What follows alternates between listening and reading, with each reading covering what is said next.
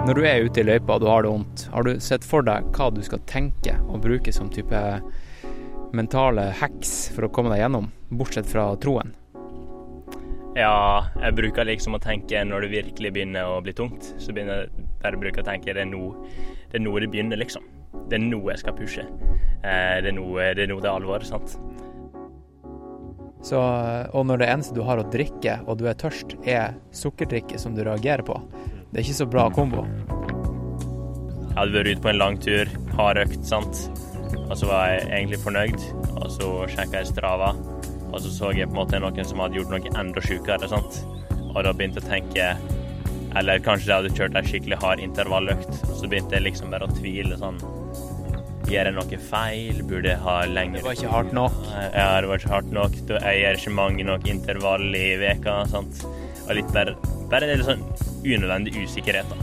Ja. Og når du ser hele krummen Dæven, jeg ble ikke demotivert, men bare sånn her overwhelmed over hvor ufattelig lang, langt vi skulle springe. Ja. Fordi da var det kanskje 45 km igjen av løypa. Og det var bare noen kolossale fjell rundt deg, og du visste at du skulle rundt hele det der. Eh, og når du da også var midt i bonken, så, så hjelper ikke det.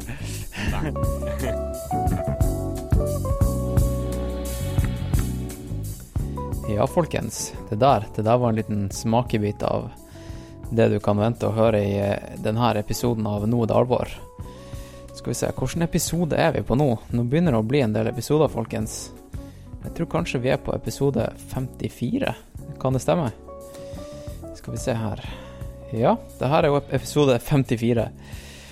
Um, ja, denne episoden den er jo, eh, den er jo en Transvulkania-spesialepisode.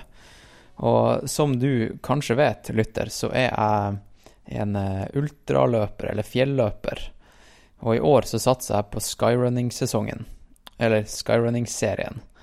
Og jeg skal springe Jeg tror det blir vel fem skyrace i år. Uh, og i tillegg til da den her Ultra Trail-VM som, uh, som går om tre-fire uker i, i Portugal. Så Transvulkania, det var Skyrace nummer to. Neste Skyrace for meg, det blir Buff Epic Trail, Uh, som er nord i Spania. Litt sånn nesten Pyreneene-aktig. Så det blir spennende. Så, så, nå utover sommeren og høsten så kommer du til å ikke bare få sånne her typiske Nå er det alvor eh, som er eh, sånne intervjuer fra hjemme i leiligheta mi på Disen i Oslo men uh, litt sånn her ute i felten-snakk, sånn som denne episoden. Og jeg tror Ja, jeg, jeg syns det her er dritfett, folkens. Og jeg fikk en, en mail i stad fra, fra Patrion om at jeg hadde fått en ny Patrion. jeg skal snakke litt om Patrion etterpå, men det, det, er jo, det, er jo, sånn en sjappa her går rundt. Det er jo det at enkeltpersoner som som liker podkasten, de, de, støtter den økonomisk med en slant i måneden via en tjeneste som heter Patrion. Eh, og jeg fikk, en, jeg fikk, en, mail fra Patrion i stad eh, om at jeg hadde fått en ny eh, støttespiller. Og hans navn, det var Jeffrey. Jeffrey Spronk, tror jeg han heter i etternavn.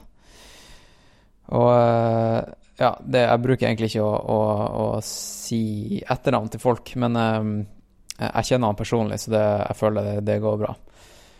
Og det her handler ikke så mye om han Jeffrey, det her handler mer om uh, at uh, han Jeffrey, han, han er faktisk Patrion nummer 100. Patrion nummer 100, folkens. Jeg har 100 folk som støtter meg nå. Og som du kanskje fikk med deg, jeg tror det var forrige episode, eller episoden før, så sa jeg til deg, lytter, at nå har jeg sagt opp jobben. Nå har jeg sagt opp min faste jobb for å gjøre det her på heltid. Eh, og eh, det er dritskummelt. Eh, det kommer Skal vi se, jeg har vel en og en halv måned igjen nå på, på jobb. Eh, før jeg rett og slett ikke har en jobb lenger. Og eh, det her er ikke et rop om hjelp. Absolutt ikke. Men jeg vil bare si det at nå går jeg mot, mot å være en podkaster og en ultraløper og en ultra... eller en fjelløpetrener på heltid. Dette er mitt nye yrke. Og hvis du har lyst til å hjelpe meg eh, på veien, og eh, da Hvis du ønsker at denne podkasten skal leve videre, så, eh, så, går du inn på patrion.com slash alvorpodkast. Og, og, det jeg bruker å gjøre da, er at uh, i uh, midt i episoden så bruker jeg å stoppe opp, og så bruker jeg å gi en shout-out til alle som støtter meg med ti dollar eller mer. Og du reagerer kanskje på det der med dollar, men det har rett og slett bare å gjøre med at eh, det er en amerikansk tjeneste. Så derfor brukes det dollar. Eh, så da får du en shout-out, og du kommer til å høre en liten eh, vignett, eller litt fete beats i bakgrunnen, og det blir fett. Skal vi se. Det var egentlig litt sånn housekeeping, men jeg vil også Skal vi se. Det er noen ting jeg skal si her før vi setter i gang. Kanskje jeg skal ta og vente med det til utroen. Jeg tror kanskje jeg gjør det. Um, ja, én eh, ting. Eh, når du hører han Jonas snakke, han er jo fra Stranda. Uh, han bruker ordet 'lågt' på bokmål eller all, i, andre, alle, i alle andre dialekter. Uh, jeg kan jo bare oversette det. Lågt betyr vondt. Da har man ondt når man sier lågt. Eh, og så vil jeg gjerne innføre en ny, eh, et nytt akronym til verden, og det kommer du til å høre, og det er IPOS. Altså IPOS. Injured Piece of Shit. Det er en, et nytt akronym som du må bare eh, feste i hodet ditt, for det kommer til å bli brukt i podkasten videre. Eh, og så er det, det er shownotes, så uh, hvis du bare går i uh, beskrivelsen av episoden, så linker jeg til alt vi snakker om. Uh, OK, jeg vet hva, jeg tror jeg Nå skal jeg ta og holde kjeft, og så skal du få lov til å høre på denne, denne episoden om, fra Transvulkania med meg og han Jonas Hesthaug.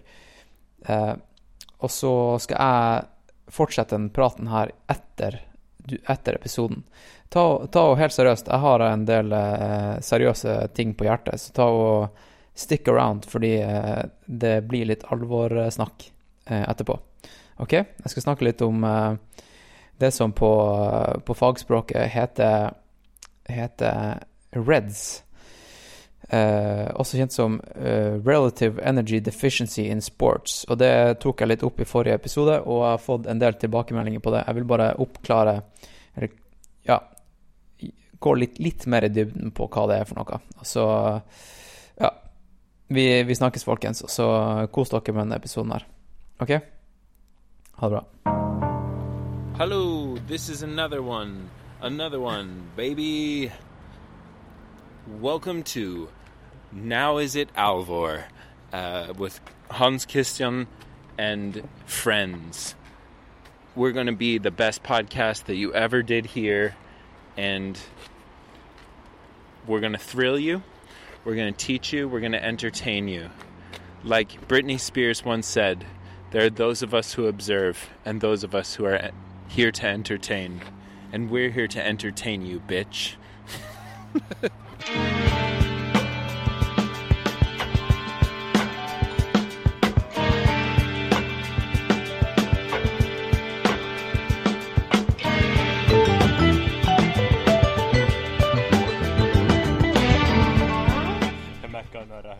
podkasten, og du er nært vei. Ja. Det er skikkelig skummelt egentlig hvis jeg er på vei.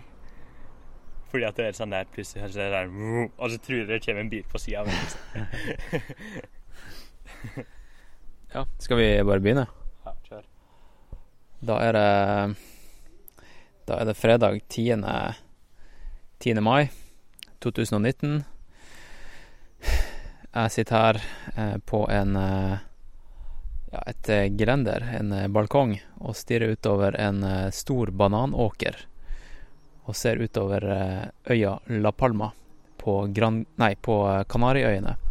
Og med min side har jeg en, en løper, en, en young gun som heter Jonas Hesthaug. He- Sier du Hest, Hesthaug? Jonas Hesthaug, ja. Ja. Mm.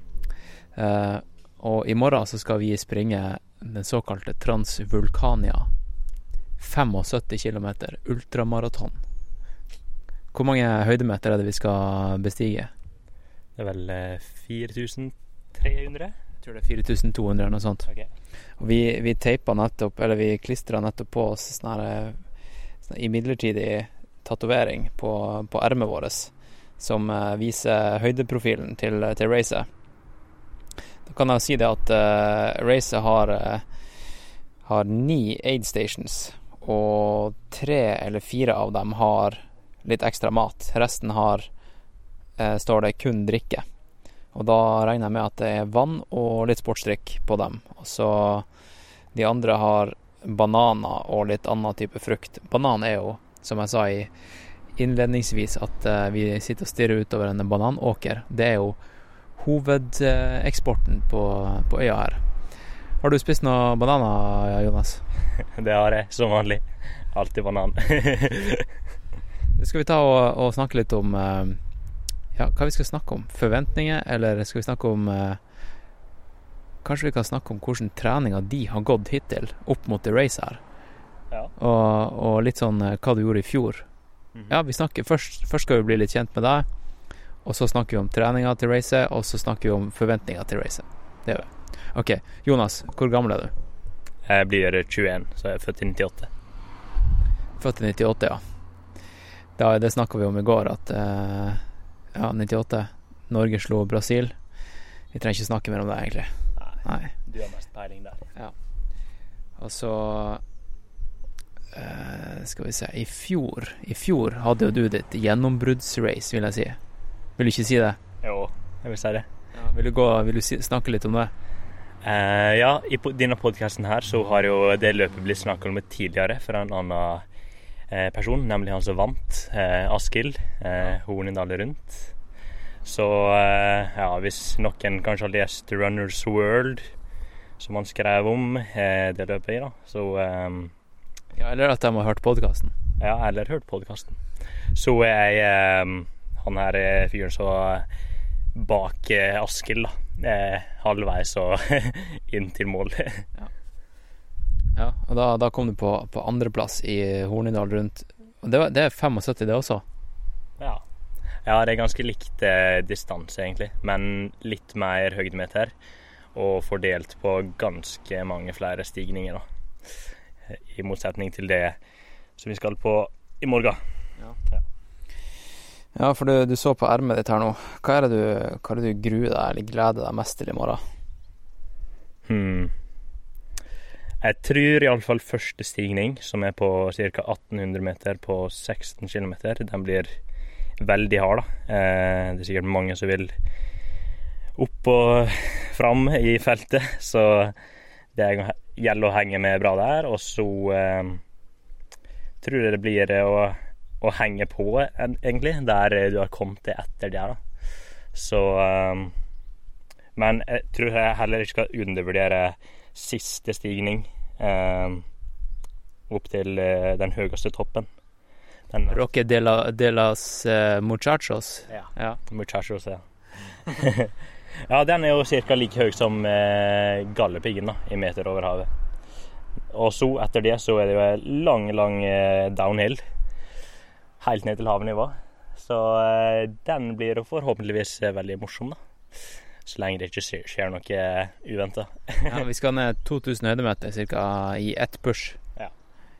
Non-stop 2000 høydemeter. Og siste Siste kilometeren nedover, den er jo Den er jo rett ned. Vi sitter og ser på han nå. Bare for å sette litt mer kontekst, det er jo sånn klassisk sydenvær. Ja. Det er, nå er vi i Syden.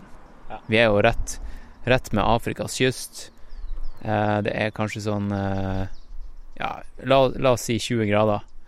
Eh, litt sånn disig kvelds, kveldssol akkurat nå. Klokka er jo syv, og, og racet starter klokka seks. Så det er faktisk Det er ti timer og 50 minutter til startskuddet går, går Jonas. Ja. Fy flate. kjenner litt på eh, nervene, ja. Men det gjør nok alle. Ja, du, du sprang jo Hornindal rundt i fjor, kom på andreplass. Eh, men du sprang jo Tromsø Skyrace Hamperokken året før der igjen. Ja, det stemmer. Det var også eh, kanskje ikke sånn gjennombruddsrace med tanke på plassering, men for deg så var jo det en stor event. Ja. ja. Og det er jo en stor event for alle andre som springer det racet, men en 18-åring som krysser mållinja på Tromsø Skyrace, det må være surrealistisk. Ja, det var litt sånn eh, Jeg så eh, Tromsø Skyrace på nettet, og så tenkte jeg hm, kult. Og så meldte jeg meg på, og så fant jeg ut at oi, det ble jo fullt etter fem minutter, faktisk. Så eh, jeg begynte å lure litt på hva jeg hadde meldt meg på. da. og så sjekka jeg litt mer ut eh, løypa og ryggen opp til Hamperokken osv. Og, så videre, og eh, ja. Jeg ble jo litt sånn sjokka, men jeg tenkte ja, ja, kult, jeg skal fullføre. ja, da, vi, vi, trenger ikke snakke så veldig mye om det racet, men du var rett bak Hillary Allen som falt rett ned fra fjellryggen. Eh, det må ha vært ganske drøyt å oppleve. Vi kan, vi kan, snakke om det en annen gang. Det er jo uh, mye vi kan snakke om nå, men uh, hvor, hvor, drøyt var det? Eller hva, hva, sitter du igjen med etter det racet der? Nei, eh, det er fortsatt min mest ekstreme dag i mitt liv. Eh, med tanke på ja, alt som skjedde under det løpet. Eh, for det var ikke bare at hun datt ned. Men ja, jeg tror jeg alltid kommer til å huske det øyeblikket når jeg så fram og bare hørte henne hyle Og se en person dette i fritt fall nedover et fjell, det er liksom Ja. Jeg tenkte nå har jeg sett en person dø. Men eh, ja, hun overlevde, da. Så. Ja, det gikk jo greit med henne etter hvert. Hun er tilbake og, og springer igjen. Mm. Eh, så drøyt blir det ikke i morgen. Det er ikke, det er ikke noen sånne eksponerte fjell, eh, fjellrygger. Altså, du kan jo selvfølgelig, hvis du vil, så kan du stryke med i morgen. Det kan man jo på et asfaltløp også i London Marathon, men eh, jeg tror nok den vår største fiende i morgen, det er, det er varmen, ja. vil jeg si. Eh, det er meldt eh, dritvarmt, og vi kan liksom ikke stole, stole på Yr heller, fordi at det er liksom en, Den der opplevde varmen er noe helt annet enn det som står på, på det som er meldt. Ja. Jeg har hørt at folk ja, at folk eh, besvimer og eh, Ja, det kan, det kan, bli, ganske, det kan bli ganske drøyt. Ja. Jeg gleder meg litt til det, egentlig. Hva du tenker du om varmen, Jonas? Har du, har du opplevd det før? Eh, jeg har vært på varmeløp før. Jeg tror ikke jeg er en av de som virkelig kan nyte det, men jeg tror heller ikke jeg er en av de som reagerer verst. da. Så jeg får bare kjempe meg gjennom det, altså. Men eh, ja, sjøl om Sånn som du sa, vi kan ikke stole helt på Yr. For sjøl om hvis det er meldt over skya i noen timer, så er vi uh, uansett mest sannsynlig over skyene når vi er på fjellryggen der. Så ja, det blir nok eh, varmt og sol uansett.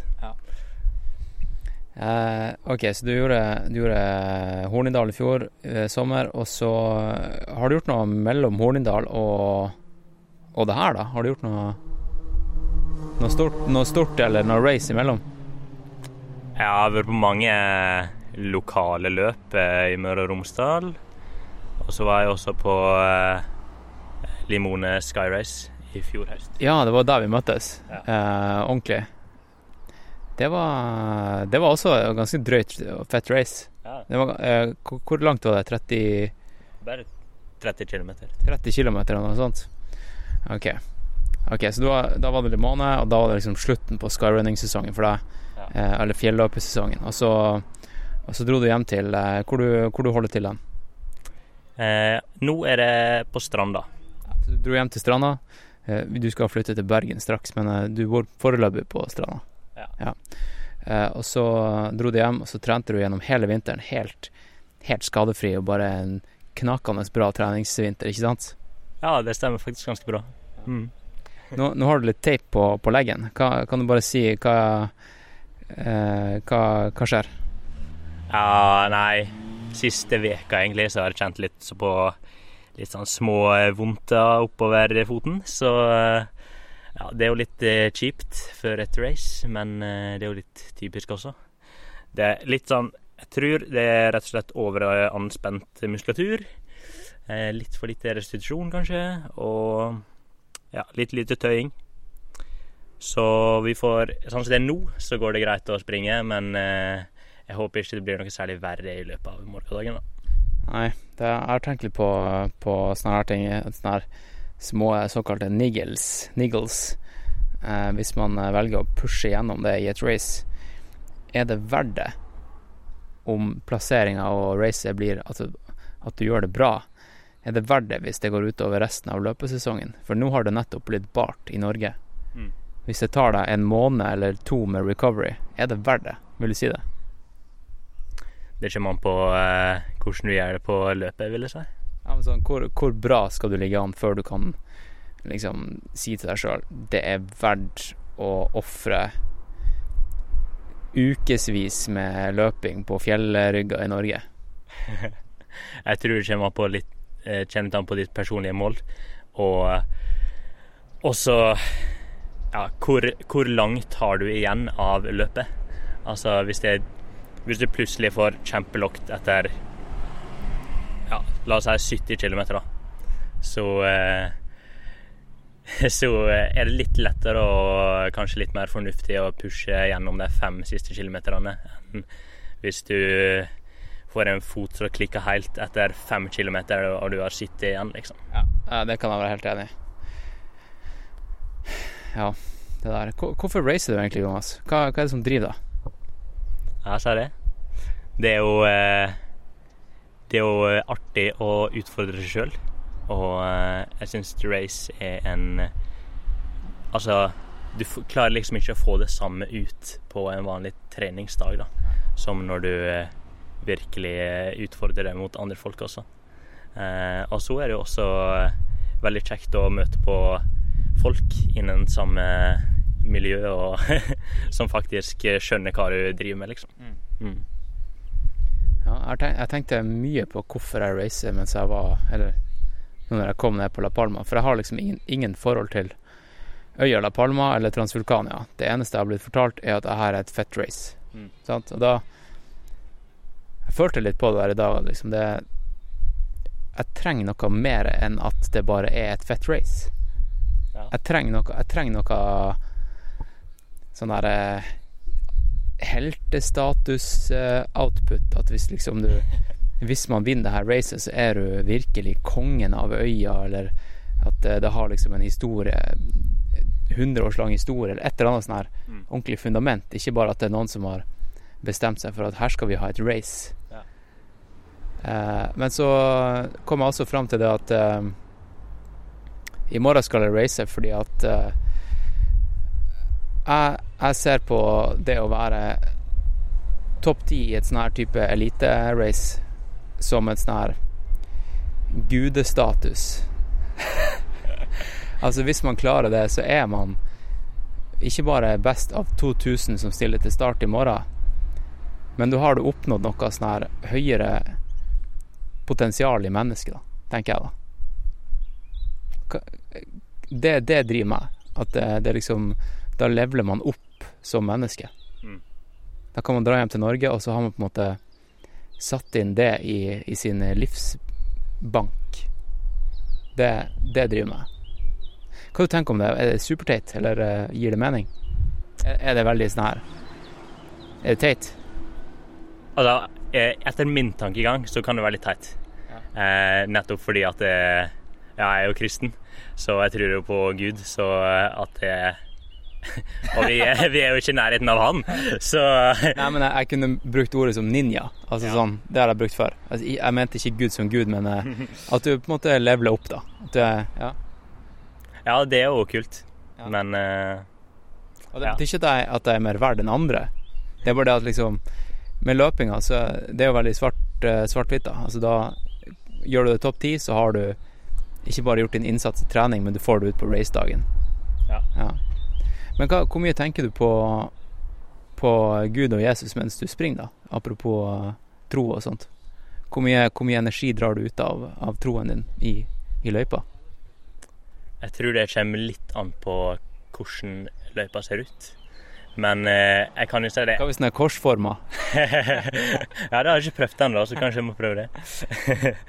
Nei, men eh, jeg velger Jeg tror jeg velger litt race etter eh, landskapet, rett og slett. Ja. Fordi at jeg, jeg ser liksom Guds skaperverk i det, da. At jeg Ja, at jeg kan ta energi fra rett og slett når det er fint å springe i det terrenget, da. Så eh, Men, men, men hva, om, hva om du bonker skikkelig og har det helt jævlig? Da ser jeg for meg at du har et overtak, eh, siden du kan på en måte lene deg på trua da, og hente energi fra en type eh, En why, hvis du skjønner hva jeg mener. mm, mm. Eh, stemmer det? Ja, det tror jeg. Altså uansett, hvis jeg, hvis jeg merker det går veldig tungt, da, så kan jeg jo bare vite at jeg har en som virkelig bryr seg om meg og passer på meg. Så det, ja, det tror jeg hjelper. Mm. Ja, jeg, jeg, jeg tror ikke det er en god nok grunn til å bli kristen. Jeg tror ikke vi har eh, rekruttert noen her nå, men det er jo Men eh, vil du Altså, diskusjonen om doping er jo veldig interessant. Ser du på det som litt eh, dop? Ja, kanskje. Men eh, ingen kan jo teste det fysisk, så Hun der, eh, hun der Semenya, hun, eh, hun ble jo um, har, Du vet hvem det er? Hun der løperen fra Sør-Afrika, tror jeg det ja, dame, liksom. Hun, eh, hun er jo trans og er litt for, mye- litt for høye testosteronnivå og blir nå satt på testosterondempende medikamenter. Uh, ja, det Jeg vet ikke helt hvor jeg skal med det her, men jeg, jeg er ikke helt Jeg er ikke helt solgt på det her, altså. Det er, litt, det er noe rart med det. At hun eh, med helt naturlig Hun er jo bare født ut i verden, og tilfeldigvis har hun litt høye testosteronnivåer. Og så for å være på samme nivå som alle andre, så må hun bli satt på medisiner. Som en kristen, hva tenker du om det, og Guds skaperverk og jeg ser ikke helt hvordan jeg kan koble det her inn i kristentankegangen. Altså. Jeg syns bare det er urettferdig. Jeg syns urettferd burde snakkes om. Du, ser du de bananene der? Apropos klase som vi aldri så. Ser du det innerst mot treet der? På det treet der. Eh, Det er jo stappfullt med grønne bananer. Ja. Skal vi på bananslang? Ja, nå kan vi faktisk dra på bananslang. Men det de er kanskje litt for grønne, da. Vi kan ta dem med hjem til Norge, og så spiser vi dem når de blir moden. Kanskje vi rekker det på mandag når vi, når vi tar flyet tilbake. Hva du ser for deg eh, når du liksom Når du er ute i løypa og du har det vondt, har du sett for deg hva du skal tenke og bruke som type mentale hacks for å komme deg gjennom, bortsett fra troen? Ja, jeg bruker liksom å tenke når det virkelig begynner å bli tungt, så begynner jeg bare å å tenke det er nå det, er nå det begynner, liksom. Det er nå jeg skal pushe. Eh, det, er nå, det er det er alvor, sant. Eh, og så Ja, det er jo derfor det heter noe det er alvor. Ja. Det kommer jo fra racedagen. Altså i morgen når vi står på startstreken, så er det alvor. Rett og slett. Eh, men eh, den tanken, slett, den tanken heller jo ikke evighet, den heller, da. Så det er jo litt sånn eh, Sette seg delmål underveis. Det tror jeg er, veldig smart. Hvilken type delmål har du, da? Som Eller, finne på dem on the fly, liksom? Ja, men det er jo typisk sånn der Nå er det pushe opp det her fjellet, liksom. Det er ikke så langt. 200 høydemeter. Det går fint. Og så er det Kom seg opp der, og så tar du liksom bare bit for bit, da. Mm. Eh, ernæringsstrategi, nå har vi, eh, vi har snakka veldig mye om det i dag og, og sånt, og ehm, Ja, hva du tenker om det? Hvor, hvor mye Hvor holdt på å si nazi skal du være med deg sjøl med å holde den planen? Du har jo satt en ganske sånn Skrevet ned en ordentlig plan for hva du skal putte i deg, og hvor mye carbs det er per gel og, og sånt, og Ja. Ja, hva, hva du tenker Jeg tenker Det kan være lurt å sette ned en plan på forhånd, sånn at du faktisk veit hva du får i deg. Men uh, sjøl om jeg kanskje ikke følger den 100% så er det Hvis jeg liksom bare har med meg det jeg skal ha med, da, uh, og får det ned i løpet av racet, så tenker jeg da er det, da er det bra. Jeg er litt, jeg er litt på samme, samme tanke. Ja. Du, er, du er jo så heldig, eller jeg er også så heldig at uh, foreldrene dine er her. og de, de skal møte oss på en stasjon eh, med et sted som heter El Pilar, etter 24 km. Hva, hva er det du har bedt dem om å gi deg der? Fordi vi får lov å få, få support. Ja. Eh, vi, får, vi var jo der oppe i dag og, og sjekka det ut. Da, da skal de møte oss i et sånt telt som heter Trailbox. Yes. Eh, hva skal du få utdelt av, av foreldrene dine der? På trailboxen, da skal jeg få en god del gels og ei ekstra flaske med, med Morten-pulver. Ja, fordi vi begge bruker såkalte Morten. Um, jeg har også med meg Skal vi se uh, Vi er ikke sponsa av Morten. Uh, enda. Enda. Uh, men jeg, jeg fikk en boks av ei som vant masse Morten i et race, og hun reagerer på det med, ma med magen. Så derfor har jeg masse Morten. Shout-out til Morten. Rett og slett. Jo, jeg har aldri prøvd de, de gelsene før, så det blir Ja. første gang. Jeg, jeg, jeg, jeg tenkte da jeg sto opp i dag at jeg skulle teste Morten på shakeout-turen i dag, men det glemte jeg. Ja. Så i morgen blir første gang. Eh, ellers så skal jeg ta Morten pulver, eh, altså som i type flasker. Og så har jeg, skal jeg få utdelt eh, litt eh, Morten gels av foreldrene dine i en liten plastikkpose som også inneholder Cliff Gel med eh, karamellsmak og koffein. Ja. Og den koffeingelen, den skal jeg spare til siste kneika. Ja. Bare for å liksom Ja, som en type placeboeffekt for å ha en sånn eh, nugget der framme som venter på meg. At jeg tenker sånn her, nå, nå skal jeg sette inn støtet. Mm. Nå har jeg et overtak på alle andre. I tillegg da så er jeg avhengig av koffein, og hvis ikke jeg får koffein på seks timer, så får jeg vondt i hodet. Så derfor må jeg trenger jeg bare påfyll etter seks timer. Det er jo ulempa med å være eh, kaffeavhengig. Ja, mor di sa jo også at hun var eh, kaffeavhengig i, Ja. i dag. Eh, ikke sånn her virkelig avhengig, men hun får vondt i hodet hvis hun ikke drikker kaffe før hun går til sengs. Og det, jeg har hørt det er mange som, som drikker kaffe før de eh, går, går og legger seg. Og det Jeg har lest om det her, og det, det er flere typer mennesker. Eller to typer mennesker.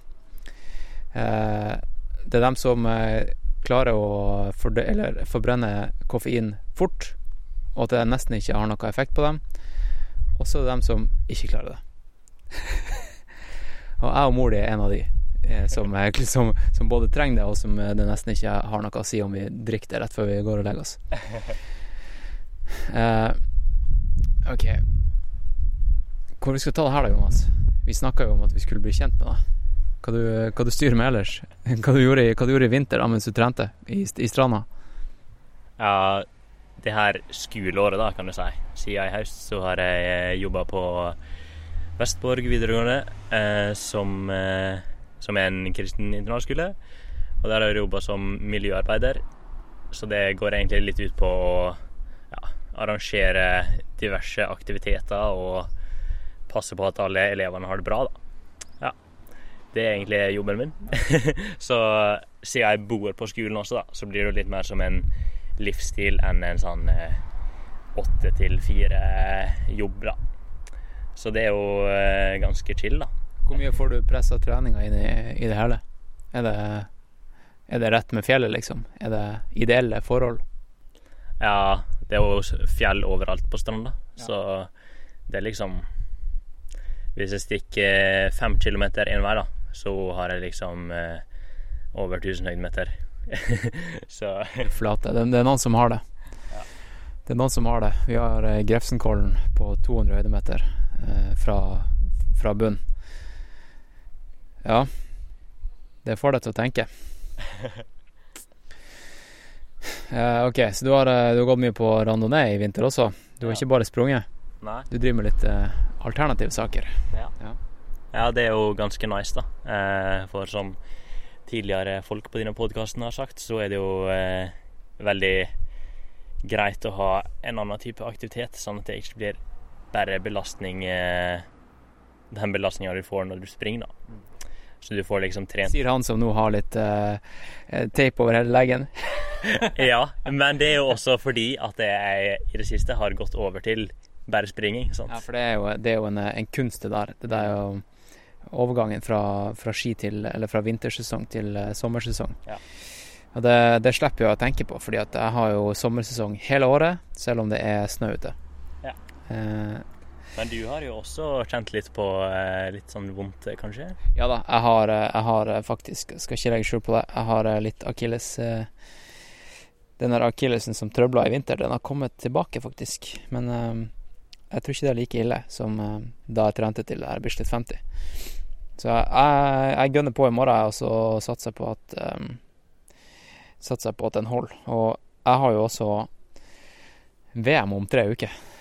Ja. Og det er Jeg skal ikke legge skjul på at det, det ligger litt sånn i bakhodet. Og eh, Ja, jeg vet jo det at recovery, det må gå fort.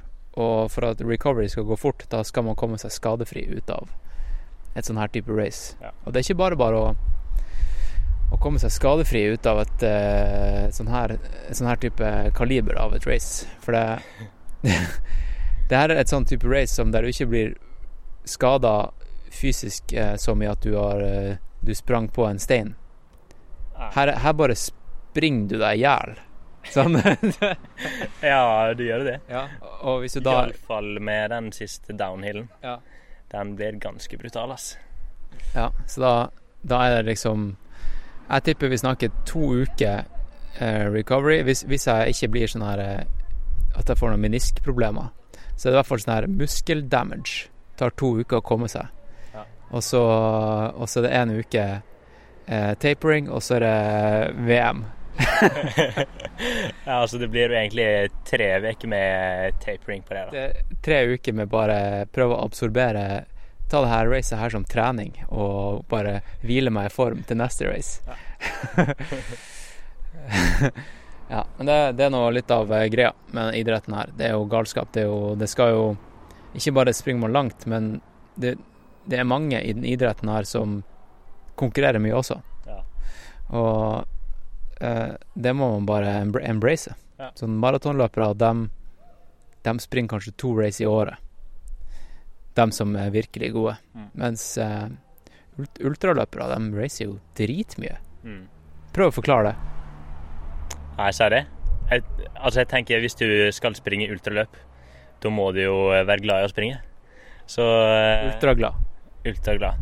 Så da må du jo også Kanskje? Kanskje litt derfor eh, folk gidder å race så masse også, da. Nettopp fordi at det er de eh, er glad i det.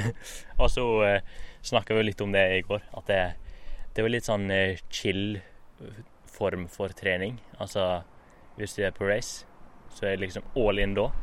Og så er det, hvis du har et race gjennom to-tre uker, så er det bare chill til da igjen. Og så er det nytt race all in.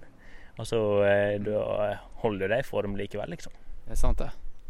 Det er et godt poeng. Ja, nå har foreldrene dine kommet tilbake fra en spasertur. Ja. Um, kanskje vi får dem med på eh, Får et ord med dem i løpet av helga. Jeg skal ikke prøve meg nå. Men eh, eh, vi, vi kan kanskje runde av, og så kan vi si litt sånn siste, de siste tankene vi har før vi går og legger oss, og hva vi tenker før racet. Hva, hva er liksom målet ditt? Hva du, tenker, hva du tenker om morgendagen? Forventninger, og hva, hva vil du oppnå? Mm. Hvis alt går etter planen, da eh, håper jeg iallfall på eh, sub åtte timer, da. Eh, så eh, ja, det hadde vært kult å prøve Og Jeg er jo ikke med i elitefeltet fra starten av, som du er, men eh, det å liksom kommet oppi der, det hadde vært kult. Jeg tror, eh, jeg tror hvis du klarer å gjøre det Gjøre en solid innsats her, så er du elite til neste Sky Race. Ja. Og da, da har du oppnådd noe stort. Sant? For da, da har du et, et forsprang neste gang, og da kan du på en måte etablere deg i eliten. Ja. Det, det hadde vært rått. Jeg tenker bare å fortsette på min, eh, min gang i skyrunning-serien. Ja. Uh, Topp ti, eh, det er målet mitt. Og uh, hvis jeg ser at det virkelig ikke går, så skal jeg prøve å komme meg så nært syv timer Mm. som overhodet mulig. For eh, det blir nok litt tøffere å komme topp ti på eh, det her eh, skyracet enn det du var på i Japan. Da. For det her er jo super skyrace. Ja, det, det er jo helt andre typer løpere her også, og et helt annet type race. Ja. Så nei, det, alt kan skje i morgen. Ja. Ja. Ternekast. På løpet? Jeg vet ikke. Tern, ternekast eh, hittil på reisen. Tja, fem. Så tar vi et nytt ternekast i morgen etter racet, og så kanskje et nytt ternekast når vi eh, har flydd hjem, og så tar vi gjen, gjennomsnitt, gjennomsnittet på hele turen når, eh, på de tre. ok, over ut. No pasa nada. Por favor, os pido un fuerte aplauso para cada uno de ellos. Y esta sonrisa tremenda de los mejores palmeros.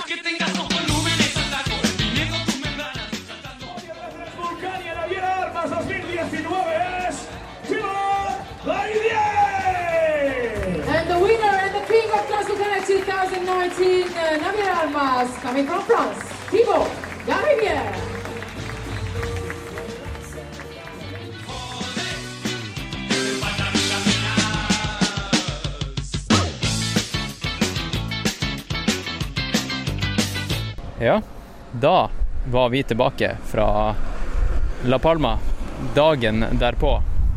Og for de eh, lytterne mine som eh, er ute og springer, og som ikke syns det er så fett å høre biler i bakgrunnen og blir forvirra, så eh, ber jeg dere om å rett og slett bare skru av og ikke høre på denne episoden her. Eh, Eller kanskje, kanskje høre på den her mens du ikke er ute og springer, rett og slett. Kanskje du kan sitte hjemme og gjøre noe annet. Som for eksempel eh, Ja, som for eksempel Hva da, Jo- Jo- Jonas? Nei, jeg vet ikke. Hvis du har eh, rolig hviledag, da, så kan du jo bare sitte og høre på podkasten, f.eks. For foran peisen. Kanskje du kan strikke? Ja.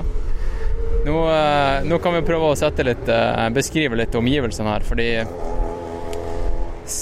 i går, eller ja, i forgårs da vi spilte inn dagen før podkast, så satt vi på et eh, gelender og så utover en banan bananplantasje. Og uh, nå er vi Nå var det veldig mye biler her, folkens. Sorry. Sorry. Dere må vente i 30 sekunder til. Nei, to sekunder. To sekunder. OK, der. Uh, jo, det vi står og ser utover nå, det er en enda større bananplantasje. Den er rett og slett endeløs, og den eh, går ned i en eh, dal som er stupbratt. Og vi står eh, på en sånn type promenade og ser utover Atlanterhavet og bananplantasjen og skråninga som vi sprang ned i går. Det er drøye omgivelser, vil du ikke si det, Jonas? Kan du, kan du prøve å kanskje beskrive beskrive det litt mer? Jeg vet at lytterne mine, lytterne mine er veldig glad i naturbeskrivelser. Ja.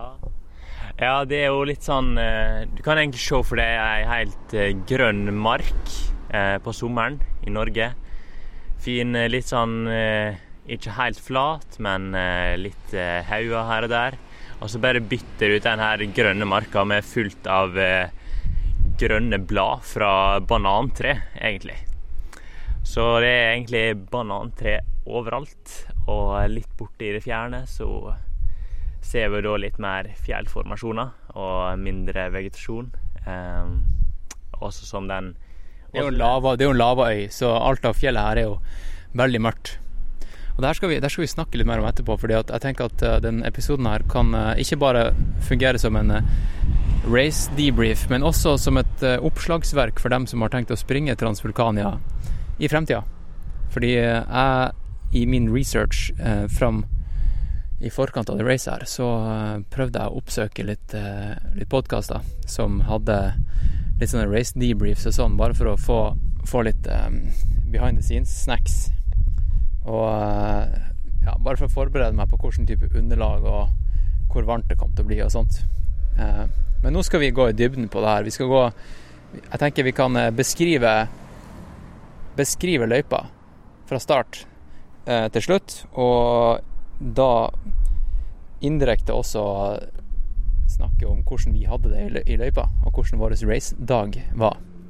Kan vi jo kanskje røpe hvordan det gikk, da, før vi går inn i detaljer?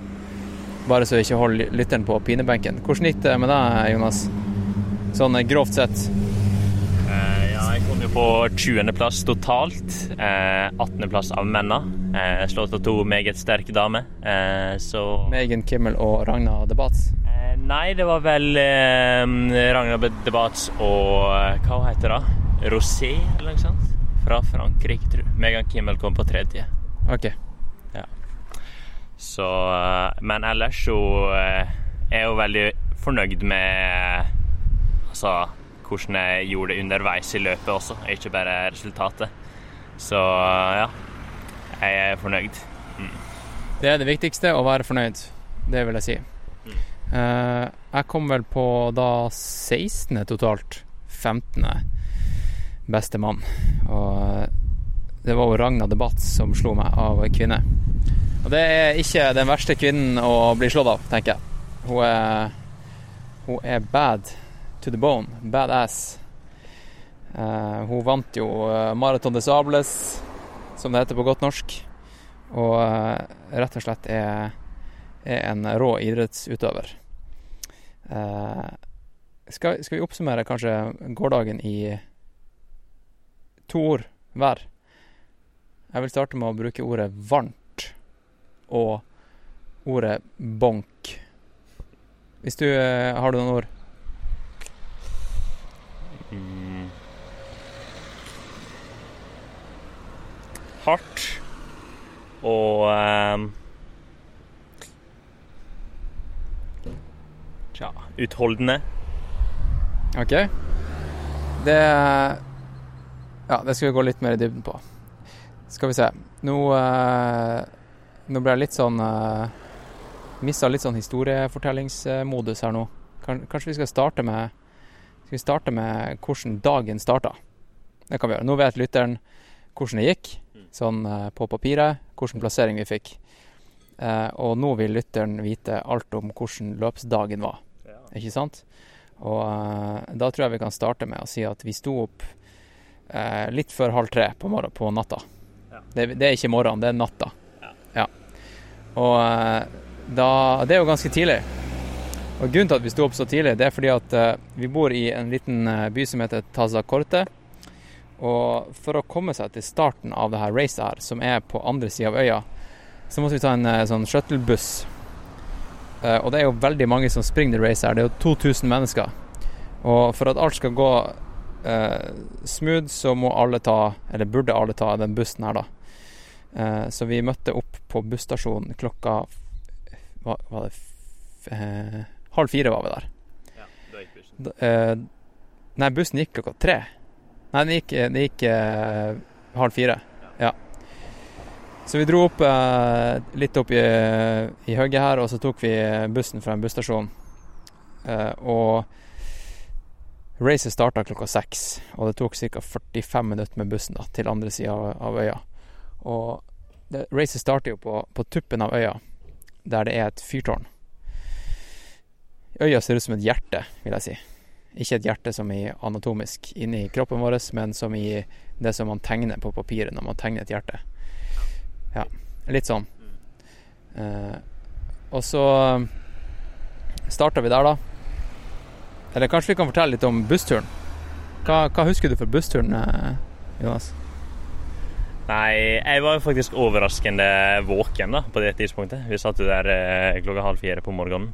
Men eh, ja, det var jo ganske trykka stemning. Ganske masse forskjellige folk, men eh, samtidig veldig like. Alle skulle jo på det samme. Så vi satt jo og snakka litt om eh, ultramoten.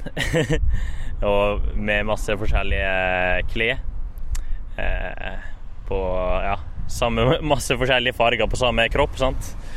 Det er jo sånn det er ultra. Du tar det du har, og eh, det som er mest funksjonelt. Det blir ofte en eh, veldig morsom eh, krasj med både kompressport, eh, rosa sånn her kompress... Hva heter det? Sånn her leggings Ja. og sleeves og kanskje en Salomon-vest og så en, en eller annen shorts du har fra ungdomsskolen, og så en caps, og så noen staver som du har i en sånn her korg bak på ryggen. Det er jo helt sjuke farger. Og så kanskje noen eh, grønne og, og blå Hoka-sko oppå det hele. Så det, det satt vi og snakka om. Og det var veldig mange spanjoler da, eh, som var med i det racet her. Det er jo et av de virkelig store racene for spanjoler der. Siden det er i Spania, tross alt.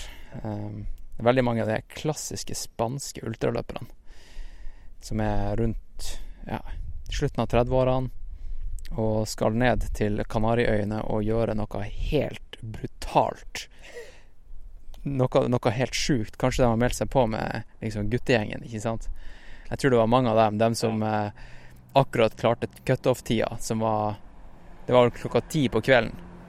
Og racet starta jo klokka seks. Så vi så jo noen som kom i mål på slutten der. De var ganske ødelagt. Men jeg kom i mål, da. Jeg kom i mål, ja. Så det viser jo litt at det, er- det meste mulig hvis du bare bestemmer deg for det. Skal vi gå litt bortover gata her? Kan vi ta en liten walk and talk? Nå går vi mot en eh, Det er fortsatt med en bilvei, folkens, så dere får bare eh, smøre dere inn med eh, tålmodighet og toleranthet. Hvis ikke du liker biler i podkast, så kan du Ja, du trenger ikke å høre på, rett og slett. Ehm, jo, så vi satt i bussen, da, og den, eh, det var jo bekmørkt. Og vi hadde ehm, Skal vi se Vi hadde på oss eh, ikke racetøy, vi hadde på oss litt ekstra. Fordi det som er med det racet, her er at du får ehm, Du kan uh, legge, en, uh, legge igjen en, en bag i, mål, i startområdet, og så blir den kjørt til uh, målområdet. Og så får du det får du den når du er i mål, da. Så det er ganske praktisk. Så du kan ha på deg varme klær på morgenen, for det er ganske mye vind og det er dritkaldt med fyret. Så hvis du, skulle, hvis du skulle gjøre racet, ta med deg litt ekstra klær. Gjerne vindtett og kanskje en hals. Og kanskje til og med en vindtett bukse. For det, det er dritkaldt der. Og du, vi venta vel i sånn her over en time. Og det er ikke vits å varme opp for å holde varmen. Da bruker du bare altfor mye energi. Og eh, du blir ikke varm uansett, du bare går der og er liksom kald. Så eh, det er bra tips. Det er bra tips. Et, eh, et annet bra tips det er å stille seg i dokøa med en gang du kommer. Fordi at det var bare ca. Ja, ti doer der, kanskje. Og det er jo 2000 folk så, eh, som skal på do rett før eh, starten går, da. Så hvis du er lur, så stiller du deg i dokøa med en gang du kommer. Og så eh, får du det gjort før eh, racet. Uh, vi, uh, vi kan gå tilbake til bussturen før vi starta. Fordi eh, jeg tenkte kanskje, hvis det var greit, Jonas Ja. Og eh, vi snakka litt om tro i forrige episode, eller forrige dagen før recording. Og eh, vi satt i bussen, og så hadde jeg fortalt deg at jeg hadde litt uh, ankel-issues, eller uh, akillesproblemer. Er det greit? Ja, ja. Og så spurte du meg, ganske ydmy, ydmykt, om eh, du fikk lov til å Hva man skal kalle det? Nei, jeg ba jo for det, da, rett og slett. Ja. Eh, jeg, jeg, jeg følte at det var på en måte en type kanalisering. At du dro energi ut fra, fra, fra Jesus og, og Gud, og eh, på en måte helbreda ankelen min. Var, var det en bra beskrivelse? Jeg tror ikke jeg gjorde så veldig masse, men jeg tror at eh, Jesus kan helbrede, så ja. Jeg gir creds til han, jeg. Ja. Og jeg følte virkelig en sånn Det sa jeg til deg, jeg følte en varme. Og det er jo selvfølgelig Man har jo eh, Man er jo 37,5 grad eh, varm i hånda, så det blir jo varme. Men eh, den, den tok jeg med meg faktisk i hele racet. Sånn eh, oppriktig. Så det, det satte jeg skikkelig pris på. Um, er det noe mer du har lyst til å si om, om den seansen? Har du gjort noe sånt før, eller? Eh, ja, jeg har det. Eh, det var en gang jeg var på en klesbutikk i Sandefjord, faktisk. Og da var det ei som drev og klaga så masse over foten sin. Og så bare tenkte jeg kanskje burde be for henne. Og da eh, spurte jeg henne, da. eh, kan jeg få be for ankelen din, liksom.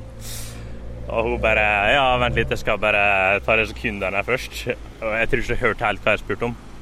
Men eh, så kom hun tilbake, da, og så spurte jeg igjen, og hun bare Ja, sure. Og så bare med, da. La handa mi på ankelen og begynte å be. Og så mens jeg ba, så hørte jeg at hun, hun flira litt, da. Og hun hadde liksom ikke noe tro på at det her kom til å funke. Men eh, så når hun var ferdig å be, så bare spurte kan du sjekke, liksom. Funka det? Og så gjorde den bevegelsen da, som gjorde lokt tidligere. Eh, så, Lukt, lukt betyr vondt på, Ja. på norsk. Bra du sa. Eh, og eh, ja, så hun gjorde det, da. Og så så jeg liksom når hun bøyde foten, så i samme øyeblikk så bare datt haka hennes ned, liksom, og bare Hun ble skikkelig sjokka, da. Altså bare så hun bort på kollegaen sin og bare Hva skjedde nå? Jeg kjenner ikke noe. Altså bare var hun helt sånn målløs, så ja, jeg bare delte det at jeg, ja, Jesus elsker deg, og det her er bare noen av de små tingene han kan gjøre, liksom. Eh, Så da, det var på en måte utgangspunktet mitt. da. Jeg har sagt litt av at jeg har slitt litt med ankel og akilles, men eh, det gikk egentlig ganske bra. altså. Jeg vrikka ingenting og kom meg gjennom eh, ganske, ganske uskadd. Det er alltid nice. Vi sa jo også i eh, dagen før eh, race-podkasten at eh, nå skal vi bli skada. fordi det er jo, hvis man ikke har det utgangspunktet før et ordentlig brutalt ultrarace, sånn helt seriøst eh, du, du må, Skal du gjøre det til, altså opp til ditt potensial, så må du ha den innstillinga om at her kommer det til å gå galt. Her kommer du til å springe på deg en, en, en diagnose som vi nettopp uh, fant ut heter IPOS. Som uh, også uh, som står for Injured Piece of Shit. Som eh, hvis, det er noen som, hvis de som følger den her ultra running memes på Instagram, det er dem som eh, kom eh, fram til den, eh, til den diagnosen. Injured Piece of Shit også kjent som IPOS. Nå vet dere det, folkens. IPOS. Husk, husk den. Eh, det, må du, det må du prøve på hvert race. Bli IPOS. Bli IPOS. OK, så vi kom, vi kom fram, da. Eh, vi er ferdig med bussturen. Vi, eh, det var helt bekmørkt. Og det var, det var Det var den sjukeste stjernehimmelen jeg noen gang har sett. Nesten. Nesten. Nesten. Jeg har sett en sjuke stjernehimmel, men det var fordi at jeg var veldig høyt over havet eh, midt på natta. Men eh, det, det var skikkelig drøyt. Det, du, det virka som at du så hver eneste stjerne. Mm. Og eh, du kunne også se at eh, alle løperne de hadde bare skrudd av hodelyktene sine for at de ville kunne se stjernene. Mm. Bortsett fra et par Ja. folk som bare var Kanskje, kanskje de som var mest nervøse og liksom var skikkelig overtent på start. Ja. Så de, de, var ikke, de tok det ikke chill nok til å nyte stjernehimmelen. Det var 2000 av oss der. Og når liksom vi gikk Bussen stoppa litt opp i hugget. Vi måtte gå ned siste kneika til, eh, til fyret.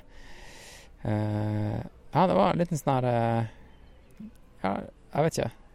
Ti minutters gangene der som uh, Nå var det alvorgangen, liksom. Ja, nå gikk vi et tog ned, ned til, til noe brutalt. Noe brutalt. Så, eh, så kom vi ned til fyret, da, og der var det masse vind. Det var dritkaldt, og det var over en time til racet skulle starte. Og jeg som da har en elite-badge, som, eh, som betyr at eh, jeg skulle få lov til å starte helt i front i tett. Eh, altså det er jo en stor fordel, ikke sant. Det er jo en stor fordel å starte i tett, fordi at akkurat det racet her, som starter i, på asfalt, og så sluses det inn på en trang sti. Her gjelder det virkelig å være så langt foran i tet som overhodet mulig, hvis du skal ha sjanse på til å gjøre en bra plassering. Eh, og du Jonas, du hadde jo ikke en sånn, eh, en sånn eh, du, du er jo ikke på papiret elite. Eh, nå vil jeg si at du er det. Det vil jeg si. Men, eh, men på papiret da så var det jeg som var det, og du, og du var ikke det. Så du, du var på en måte i startboksen bak meg, på, Ja. på papiret igjen. Ja. Men på en eller annen mystisk vis så kom deg fram i, i eliteboksen, og vi starta likt. Ja. Fortell litt om det. Ja, eh, siden jeg ikke var innstilt på å være elite, da, så måtte jeg gå ned til start, egentlig, så fort de åpna området der. For å likevel komme mest mulig fram, da. Sant? Så eh, ja, jeg måtte jo ta med disse ekstra klærne som jeg hadde hatt med meg, levere inn bagen. Og så gikk jeg ned til eh, startlinja omtrent en time før eh, start. Eh, og idet jeg gikk ned den bakken der, da, så var det en av arrangørene som bare peka på meg, og så drev han og ropte 'elite, elite'. Og så bare sa han ifra til en annen en som sto der, da, og så sa han bare peka han på meg og sa 'elite', og så slapp jeg inn i elitefeltet. Så jeg vet ikke helt hva som skjedde, men eh, det var kult. Ja, dritfett. Da, da sto vi der sammen på startstreken, og eh, ja, sto, sto likt. Eh, sto vel i andre rekke. Vi lot eh, dem som var virkelig tent på å vinne racet, stå helt fremst. og det var han, eh, blant annet han som var nummer to i fjor. Han hadde gått ut og sagt virkelig at i år skulle han vinne. Ja. Så helt greit. Det, du skal få den. Du skal få lov til å ha så lyst til å vinne at du står i tett. Det er lov. Um, OK, så, så da Da gikk, eh, da gikk startskuddet. Og eh, som sagt da, så var de første kilometerne et par, par kilometer var på asfalt. Først slynga vi rundt fyret, og så opp i, i hugget på asfalt, og så inn på en, eh, på en sti. Og hvor fort tror du Jeg sjekka Jeg gadd ikke å sjekke klokka uh, for å se farta. Det er liksom uh, Jeg orka ikke å bli, å bli redd for, uh, for det, hvor rask åpninga var. For når jeg ser det tallet på hvor fort, fort det faktisk går, så Jeg vet ikke, da Da tror jeg man kan bli mer sliten mentalt. Eller tro at man burde være sliten. Jeg, jeg, jeg liker ikke å se på klokka når jeg springer race. Nå sitter Jonas her og ser på klokka. Sjekker Ja. splitsene. Ja. Ja. Hvor fort gikk det, da? Nei, det var vel ca. to kilometer på asfalt først, i oppoverbakke, da, vel å merke. Så de to første kilometerne var gjort på eh, 4.46 og 4.55. Det er ganske raskt, fordi det var en ganske bratt stigning.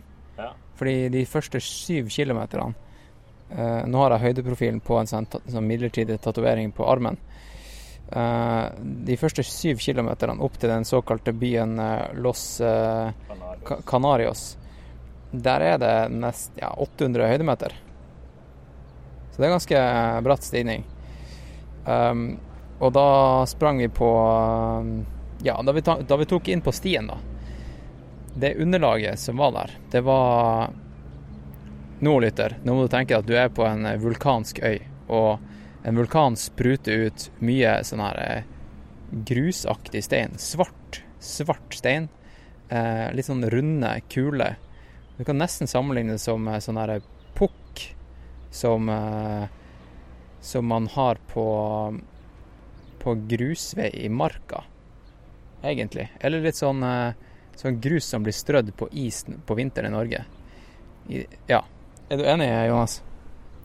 Eh, ja, men det var vel kanskje enda mer sånn finkorna, da, vil jeg si. Ja, litt mer finkorna, og så var det selvfølgelig kanskje sånn 20 cm dypt.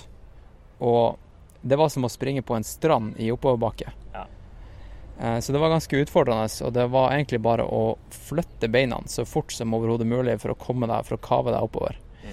Mm. og det var litt sånn blanding av det og sånn der, litt sånn menneskelig bygd sti som var to meter brei med sånne eh, kanter på sida. Og jeg tror grunnen til at det var litt sånn menneskelig bygd, er fordi at hvis de ikke hadde virkelig, virkelig laga en sti der, så er det ikke et behagelig dekke å gå på. Fordi på sida så er det skikkelig skarpe steiner. Og hvis det er noen som har hørt eh, stories, så er det jo flere som har trynt på trans, eh, Transvulkania og kutta seg opp. Så det gjelder å holde seg på stien, og det er derfor du ikke kan, kan eh, eller burde, starte langt bak. For du kan ikke passere folk når du først kommer inn på stien, for det er livsfarlig. Mm. Tenk litt på det. OK, så vi sprang oppover. Det var egentlig eh, på grus, og så Eller sånn her lavasand. Eh, helt opp til eh, den her Los Canarios, eh, der vi plutselig Selvfølgelig, det er jo en liten landsby. Fortsatt i mørket, folkens. Det er i mørket. Klokka var vi, vi, vi sprang på Vi hadde notert oss splitsene til han Tim Frerick som vant for to år siden, og notert oss at han var i Los Canarios på 42 minutter. Og vi var i Los Canarios på 45 minutter ca. Og eh, da vi kom til Los Canarios, så er jo det en liten landsby, og da kom vi inn på asfalt og brostein. Og det var fortsatt grytidlig på morgenen, og det er fortsatt eh, hodelykt. Og der hadde jo hele byen stått opp og heia. Det var helt crazy. Hva, vil, hva er første minnet ditt, eller hva du husker fra Los Canarios? Jeg husker iallfall et lite punkt før eh, der. Eh, Det var litt morsomt, fordi at eh, det var jo også var sti, sandsti. Så det var hele den gruppa jeg sprang i, da. Alle vi, vi hoppa opp på kanten. Det var en sånn liten kant, så da hadde lagt til med steiner. Og så balanserte vi på den kanten oppover, fordi at det, det var rett og slett eh, lettere å balansere på den og springe enn å springe i sanden. Så det var litt artig. Og så eh, kom vi inn i byen, da. Og der eh, sto folk på begge sider av gata, og der sto de med Hva det heter Sånne her um, Oppblåsbare um, Nesten sånne ballonger som du slår mot hverandre.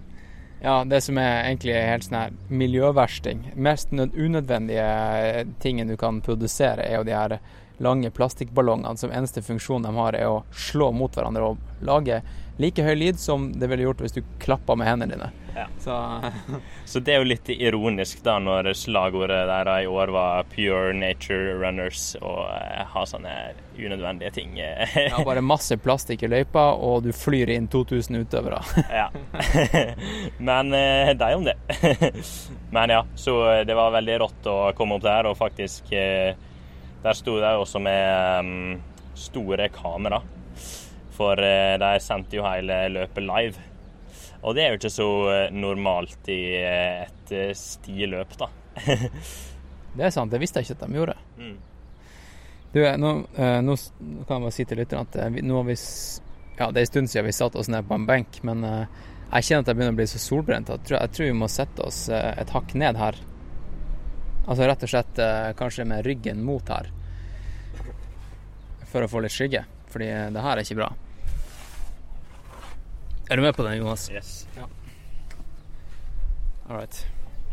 OK, så vi eh, eh, Vi kan jo bare bruke den her eh, tatoveringa vår på armen for å holde litt eh, Litt grep om den her eh, historien om, om løypa. Vi brukte jo ja, roughly åtte timer, et kvarter på, på turen, da. Så det er mye å gå gjennom, men eh, jeg, tror vi skal, jeg tror vi skal prøve å la denne fortellinga her ikke bli som alle andre sånne, her, eh, sånne her, eh, recaps fra race, fordi at det jeg har lagt merke til, er at det er veldig artig for de to som snakker om racet.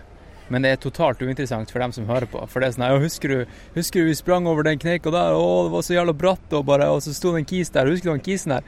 Og det er liksom Det er som eh, sånne her interne jokes som ikke fungerer på noen andre. Så la oss tenke, tenke litt på det. Denne lille pausen er dedisert til mine trofaste patroner. Tusen helvetes takk, dere er kule. Alexander, Amir, Anita, Arthur, Asgeir, Atle, Bent, Bjørn Otto, Bård, Bård, Kristel, Kristian, Fred, Fredrik, Geir, Gorm, Håkon, Iselin, Janne, Diefrey, Jenny, Joakim, Johannes, Jon, Jørgen, Kenneth, Knut Einar, Lars Erik, Lis, Livanna, Mads, Magnus, Margaret, Marie, Markus, Mathiau, Monica, Morten, Ola, Ola Anders, Pål, Rasmus, Reidun, Remi, Remi, Rina, Robert, Ruben, Ruben, Rudi, Runar, Sigrid, Silje, Stein Erik, Stian, Ståle, Svein, Tarjei, Terje, Thomas, Thomas, Tor Erik. Tor Christian, Torbjørn, Trues, Tyler, Uni, Vegard, Vegard.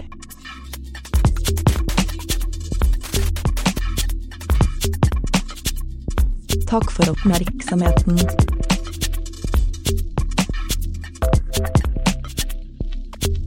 OK, så eh, Jo, det neste som jeg tenker kan være underholdende for lytteren, det er jo det at eh, etter Los Canarios så springer vi opp i en sånn type en litt, sånn skog. Plutselig kommer vi opp i en skog. Fra å ha sprunget på lavastein, så er det plutselig skog. Og da, da var jeg på kanskje sånn eh, Ja, jeg var, jeg var på topp ti, og Jonas, du var hakk i hæl. Du var det, ikke sant? Ja, da, da tok jeg det litt igjen, på en måte. Så ja, da var jeg vel rett bak. Ja, fordi da hadde jeg sprunget med han eh, John Albon og, og han eh, eh, André Jonsson en periode, og så lot jeg dem gå litt. For det ble sykt bratt, og de pusha ganske hardt der. Og da var det ikke verdt det for meg. Men eh, så bare la jeg meg litt bak, og så kom eh, du og, og et, så du lå i et felt med et par andre. Ja. Eh, Sebastian Jungdal, er det det han heter, han svensken? Ja, Han med langt og rocka hår. ja stemmer. Mm. Eh, han sprang med headset også. Ja. Jeg, jeg, jeg husker jeg tenkte litt sånn her, Hva er det han hører på? For han ser jo ut som han eh, eh, Han ser ut som at han har en stil som ekspresser på en måte musikken han liker. Skjønner du hva jeg mener? Mm. Men jeg klarer ikke helt eh, å bli, eh, bli klok på det. Så eh, uansett, da. Ehm, uansett eh, Jo, vi kom inn i skogen, og så, og så akkurat før jeg slapp han eh, eh, John og, og han André, så ser han André bare hoppe til sides på stien og drar ned buksa og begynner å la det stå til. Han André han har jo vært i podkasten. Hvis hvis du ikke har hørt den, kan du gå tilbake i den her Skyrunning-VM-episoden fra i høst 2018. Der jo han, eh, ble jo han intervjua. Så hvis du vil bli litt bedre kjent med han, så kan du, kan du høre den episoden. Men uh, i denne episoden så skal vi ikke intervjue han, vi skal bare baksnakke han og si hva vi observerte. Og eh, det var det at han hadde et heftig tilfelle av, av eh, mageproblemer. Og dro ned buksa og spruta utover stien. Og jeg så rett inn i det såkalte brunøyet hans mens han gjorde det. Og jeg tror han gjorde det Jeg hørte at han gjorde det to ganger, minst. På, det, det er jo ikke artig i det hele tatt. Fordi hadde jeg hatt såpass mye mag magetrøbbel, og at det hadde ødelagt for meg eh, Det er jo dritkjipt. Det er jo dritkjipt, men det, det er jo fortsatt eh, eh, Tiss og bæsj-humor er morsomt selv om man er 30 år gammel. Så det isolert er morsomt. Ikke at det ødela racet hans. Så la oss bare få det sagt. Um, jeg hadde, jeg hadde litt mageproblemer også, og det, det vil jeg bare si at eh, jeg brukte Jeg brukte Morten. Det sa vi også i dagen før eh, intervjuet, eller snakken vi hadde. Vi sa vi skulle bruke Morten, begge to. Og jeg sa også at det var ikke Vi har ikke noe foreløpig spons med Morten. Eh, jeg hadde store problemer, og det her er en gjenganger, med pulveret til Morten. Men det kan også være at eh, jeg hadde en batch som var gått ut, gått ut på dato. Så det kan godt være at det var det som var greia. Men eh, når det er sagt, jeg prøvde jo da for første gang i mitt liv Morten Gels, og eh, dem, dem funka. funka. Mm. De funka dritbra. Eh, Så shout-out til Morten Gels, og ikke så stor shout-out til Morten Pulver. For din sin del, da. Ja, for meg, altså alt er jo individuelt. Så jeg liker en type sko fordi de passer til meg, og du bruker andre sko fordi de passer til deg. Ja. Og eh, noen reagerer på laktose, andre gjør ikke det. Så du må bare prøve ut det som funker for deg, lytter. Eh, bare så det er sagt. Så da sprang vi videre oppover, eh, oppover fra inn i skogen til neste checkpoint, som var på 16,48 km. Og der var det en vannstasjon. Eh, og det var på en måte nest, Det var den første, første fjelltoppen, vil jeg si. Rett før den første fjelltoppen på ja, 1800 meter over havet. Ja. Så da hadde vi klatra netto da nesten 2000, siden det er litt opp og ned på vei opp Ja. dit. Mm. Og hvis det er noen som eh, har sett, eh, har sett eh, noen bilder på Instagram eller noe sånt av meg og han eh, Jonas og Max King, så er det her sånn cirka der. Der vi liksom på morgenen i åttetida eh, springer oppover, og Vi har kommet godt over skydekket, og sola er også kommet over horisonten, og vi kan se Spanias høyeste fjell på andre sida, eller på, på Tenerife, langt i det fjerne. Eh, og da da poppa hun der, eh, hun der fotografen Mart... Hva heter det? Martina Valmasoi, kan det stemme? Martiska på, eh, på Instagram, iallfall. Da poppa hun opp fra nowhere, og så ropte han Jonas frem til meg, og så sa han Nå blir du kjendis, Hans Christian. Og så snur jeg meg, og så flirte jeg. Så hvis du ser den videoen der som jeg la ut, eh, så er det det han Jonas sa til meg, og det var derfor jeg snudde meg. Nå blir du kjendis. Så eh, det er bare for å sette litt sånn eh, visuell kontekst til det hele. da. Der var vi der. Der. Var vi der. Og var du, var du i shape da, Jonas? Ja, da følte jeg meg eh, temmelig bra, egentlig. Eh, men det som er veldig Altså, nå hadde vi jo sprunget nesten 16,5 km. Og av de 16,5 km så var jo ja, 14 av de i rett og slett sandkasse, kan du si, i motbakke.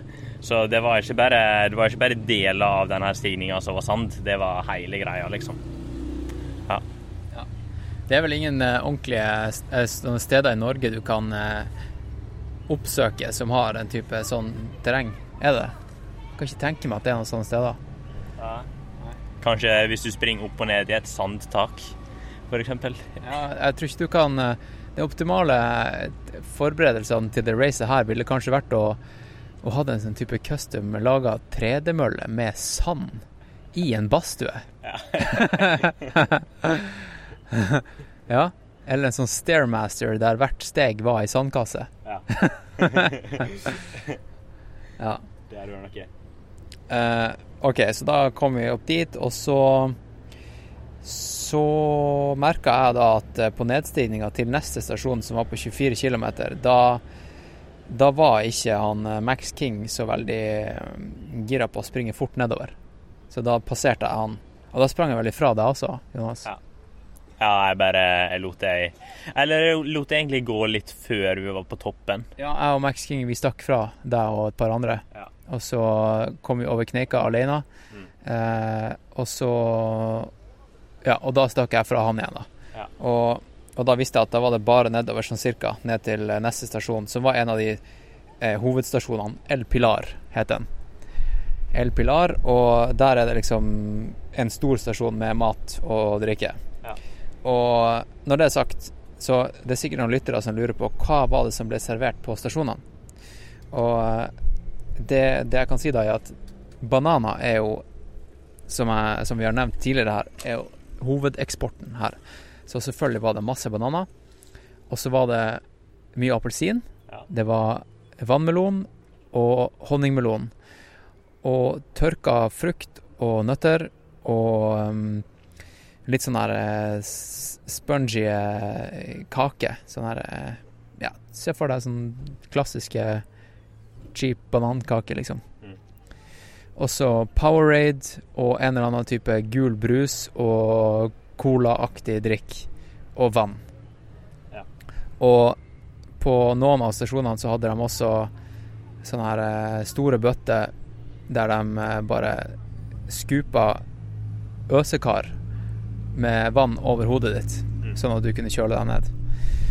Noe som jeg oppdaga at de hadde på Altså, det oppdaga jeg ikke på den 24 km-stasjonen. Det Men eh, jeg veit ikke om de hadde det på de første stasjonene. Nei, men de Det hadde det var- på El Pilar. Okay. Og det, det, det fikk jeg høre i etterkant. Og Ja. eh, jeg tror jeg hadde Det hadde gagna meg ganske mye hvis jeg hadde fått kjørt meg ned der. Ja. Eh, så OK, vi kom til El Pilar, og det, det som var der, er at eh, siden foreldrene, foreldrene dine er her, er her med oss, så eh, hadde vi arrangert sånn at de møtte oss der Ja. med, med litt eh, support. Og det, det er lov. Der, på de matstasjonene, altså de store stasjonene, der er det lov med support. Eh, og det her, denne stasjonen er det ganske handy, eller enkelt, for support å komme seg til. da. Fordi de setter opp busser for crew nedi, eh, nedi eh, fjellskrenta, så du kan parkere bilen et godt stykke fra, og så kjører de busser opp med, med crewfolk. Mm. Så det kan folk tenke på. Eh, hva var det de hadde, eh, hadde tilgjengelig til deg, Jonas? Eh, ja, med meg så hadde de eh, De hadde en haug med Morten Gels. Og så hadde jeg også tatt ei softflaske med eh, Morten eh, energidrikkpulver nedi, da, uten vann. Så den ble stappa bak i sekken, og så fylte jeg den med vann seinere i løpet. Mm. Og eh, da hadde Jeg tror jeg hadde Jeg bare ga far din en pose med det jeg skulle ha. Og det var eh, en liten sånn her eh, Du vet sånn her flyplassplastikkpose. Sånn eh, 250 milliliter eh, ziplock med masse Morten Gels og litt eh, Et par uh, sånne koffein uh, Cliff Gels. Og så og så en, en sånn flaske med ublanda Morten, altså bare pulveret. Som jeg kunne ta med meg videre. For jeg hadde jo to flasker foran som, var, som jeg brukte. Eh, Jeg hadde planlagt å bruke opp før jeg kom til den stasjonen. Og det gjorde jeg. Akkurat. Eh, Jeg var ferdig drukket opp. Og så fikk jeg da en ferdig påfylt Morten-flaske og en upåfylt en. Og de her gelsene her. Så da var jeg fit for neste, for neste etappe. Og jeg tror jeg tok meg en appelsin på den stasjonen der eh, ganske kjapt, og sprang bort og fikk eh, rasjonene fra foreldrene dine, som sto der med flagg, sånn, sånn at vi kunne se dem. Ja. Eh, og så eh, fikk jeg det, ga dem solbrillene mine, fordi de trengte jeg ikke, fordi de var eh, ikke bra i det hele tatt. Så shout-out til han eh, Gilven, som jobber i Helly Hansen, som hadde et par gamle drittsolbriller som jeg fikk av han på en sånn her eh, Vi hadde sånn byttekveld for ultraløpeutstyr. Du vet sånn som jenter har Ja. når de liksom bytter klær. Mm. Vi hadde en sånn ultragear-kveld. Ja, fett. Så da fikk jeg et sånt her par briller, da. Det er jo også risikoen på sånne byttekvelder, er at du bytter til deg crap. Ja. Men eh, fortsatt bedre enn å kjøpe nye ting, da, ofte. Ofte det. Og eh, jeg fant ut det at eh, Ja, jeg bruker egentlig generelt ikke solbriller, så jeg skjønner ikke hvorfor jeg tok med meg solbriller. Men jeg, jeg tok og, og i hvert fall ikke de nye her, som jeg aldri hadde brukt før. Eh, men jeg ville teste, så dem uh, kasta jeg fra meg, og så sprang jeg videre. Og da var jeg kanskje ett minutt han, er foran Max King. Og da var det bare flatt etter det, på sånn type fire road, eller sånn gruskjerrevei. Ja. Og da og da hadde jeg i bakhodet da at han Max King, han var bak meg, og han er en solid løper. Han har vel eh, vunnet et par VM i 100 km.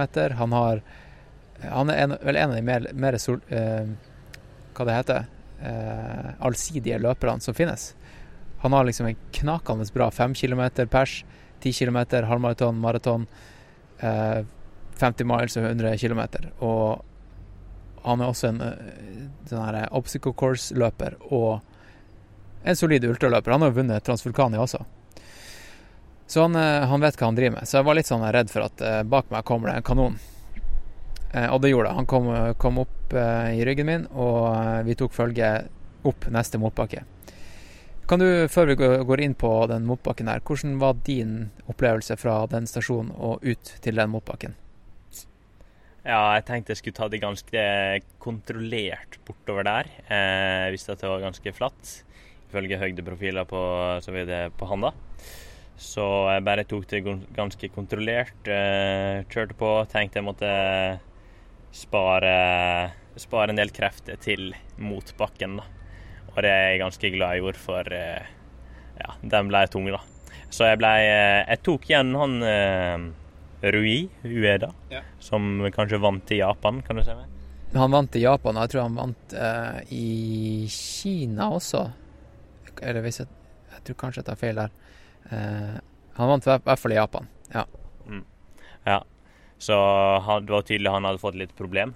Uh, for jeg sprang ikke sånn veldig fort, for jeg ble også tatt igjen av et par stykker rett før, før climben begynte igjen. da. Mm. ja. Og uh, Ja, skal vi se. Da climben begynte, da hang jeg egentlig på Max King, og det kom en annen Salomon-dude bak meg. Jeg husker ikke navnet på han, men uh, vi sprang litt sammen, og så Uh, Jeg husker hva han sa. Han sa sånn her Wow, I am super Han var fra Tyskland. I'm super surprised. Uh, I'm running the, the exact same splits as last year, and last year I did uh, 730. Ikke sant? Så han prøvde å skremme meg, da. Uh, og eh, han gjorde det. Eh, Rett og slett. Eh, så det, det er mange eh, måter å knekke folk på. Eh, han knakk meg ikke, men eh, da skjønte jeg ok, han her han mener alvor. Fordi at hvis du har virkelig liksom notert ned de splitsene fra i fjor på armen, og du, da har du et mål, da. Og du vet og Når han sier liksom hva han sprang på i fjor, så og det var knakende bra, så blir du jo litt redd, da. Ja. Ja. Uh, OK, så vi kom til den her 42 km-stasjonen. Og Nei, vent nå, det var en på 31 først. Tre- 37, er det, er det det står? 31. Ja, for jeg har litt sånn eh, Jeg har, jeg har jo da revet bort de, de fleste markeringer fordi at når jeg sprang på Hver gang jeg kom til en, eh, en stasjon, så, så eh, prøvde jeg å, å med neglen min rive bort denne tatoveringa akkurat der den stasjonen var markert. Så jeg må bare tyde armen min litt. Eh, 31 km, da. Og det var Ja, det kan, det, man kan nesten si at det er en tredjedel ute i racet. Og da var varmen begynt å komme, ikke sant, Jonas? Ja. Da hadde vi begynt å kjenne på det. Ja, da, da hadde jo sola virkelig stått opp, så, og nå begynte jo den eh, neste Ja, den nest lengste klatringa, da. Så vi virkelig, virkelig kjenner på varmen nå, da, rett og slett. Og nå var vi også på eh, sånn ca. 1500 meters høyde, og noen merker det jo allerede der, faktisk, at det begynner å bli, man begynner å bli tungpusten. Um, så Men eh, i motsetning til eh, den første climben, da, så var vi jo nå ferdig med det her sandunderlaget. Nå var det litt mer løpebar sti, for å si det sånn. Ja, hvis du har sett eh, videoer fra Grand Canyon, så jeg har ikke vært i Grand Canyon, men det var ganske likt sånn som de videoene jeg har sett derfra. Veldig sånn eh, litt sånn rød, rød hard sand. Eh, og eh, en del sånne her lavastein som hadde god forankring i, eh, i grunnen, så de, de rulla ikke, de bare satt fast. Og det var fortsatt mye opp og ned samtidig som vi sprang, eh, sprang oppover. Og, og inn i liksom små smådaler som var Noen overraska med å være iskalde, husker du det? En, en Ja. Hun sprang liksom opp og, og rundt ei kneik, og så var det dritkaldt i, i en uh, liten dal, og så var det dritvarmt i neste. Det var et helt sånn sjukt fenomen.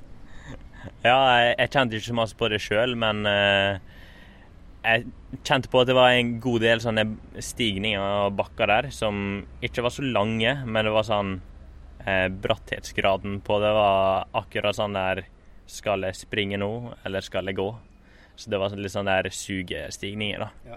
Som bare tok energi uten at du kom deg på en måte veldig effektivt framover. Da husker jeg jeg ble tatt igjen av ei gruppe som pusha skikkelig hardt, og så lot jeg dem eh, gå forbi meg.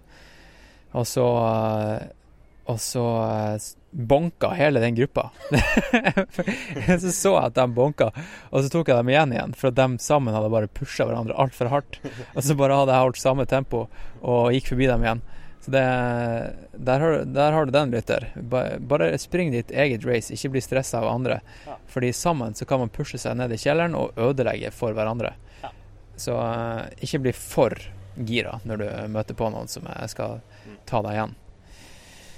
Eh, men nå hadde det virkelig begynt å bli varmt, og jeg husker at jeg begynte å kjenne det skikkelig. Og eh, jeg hadde Jeg hadde ikke Jeg kjente at magen min Hvis jeg hadde satt meg ned og prøvd å eh, gå på do, så hadde det rent ut. Sånn var det. Men jeg valgte å ikke gjøre det, da. Fordi hvorfor skal man altså insistere, tenker jeg. Ja. jeg hadde ikke noe problem med magen på hele løpet, så det var digg. Men eh, det var også her min tyngste periode var, da, under hele løpet.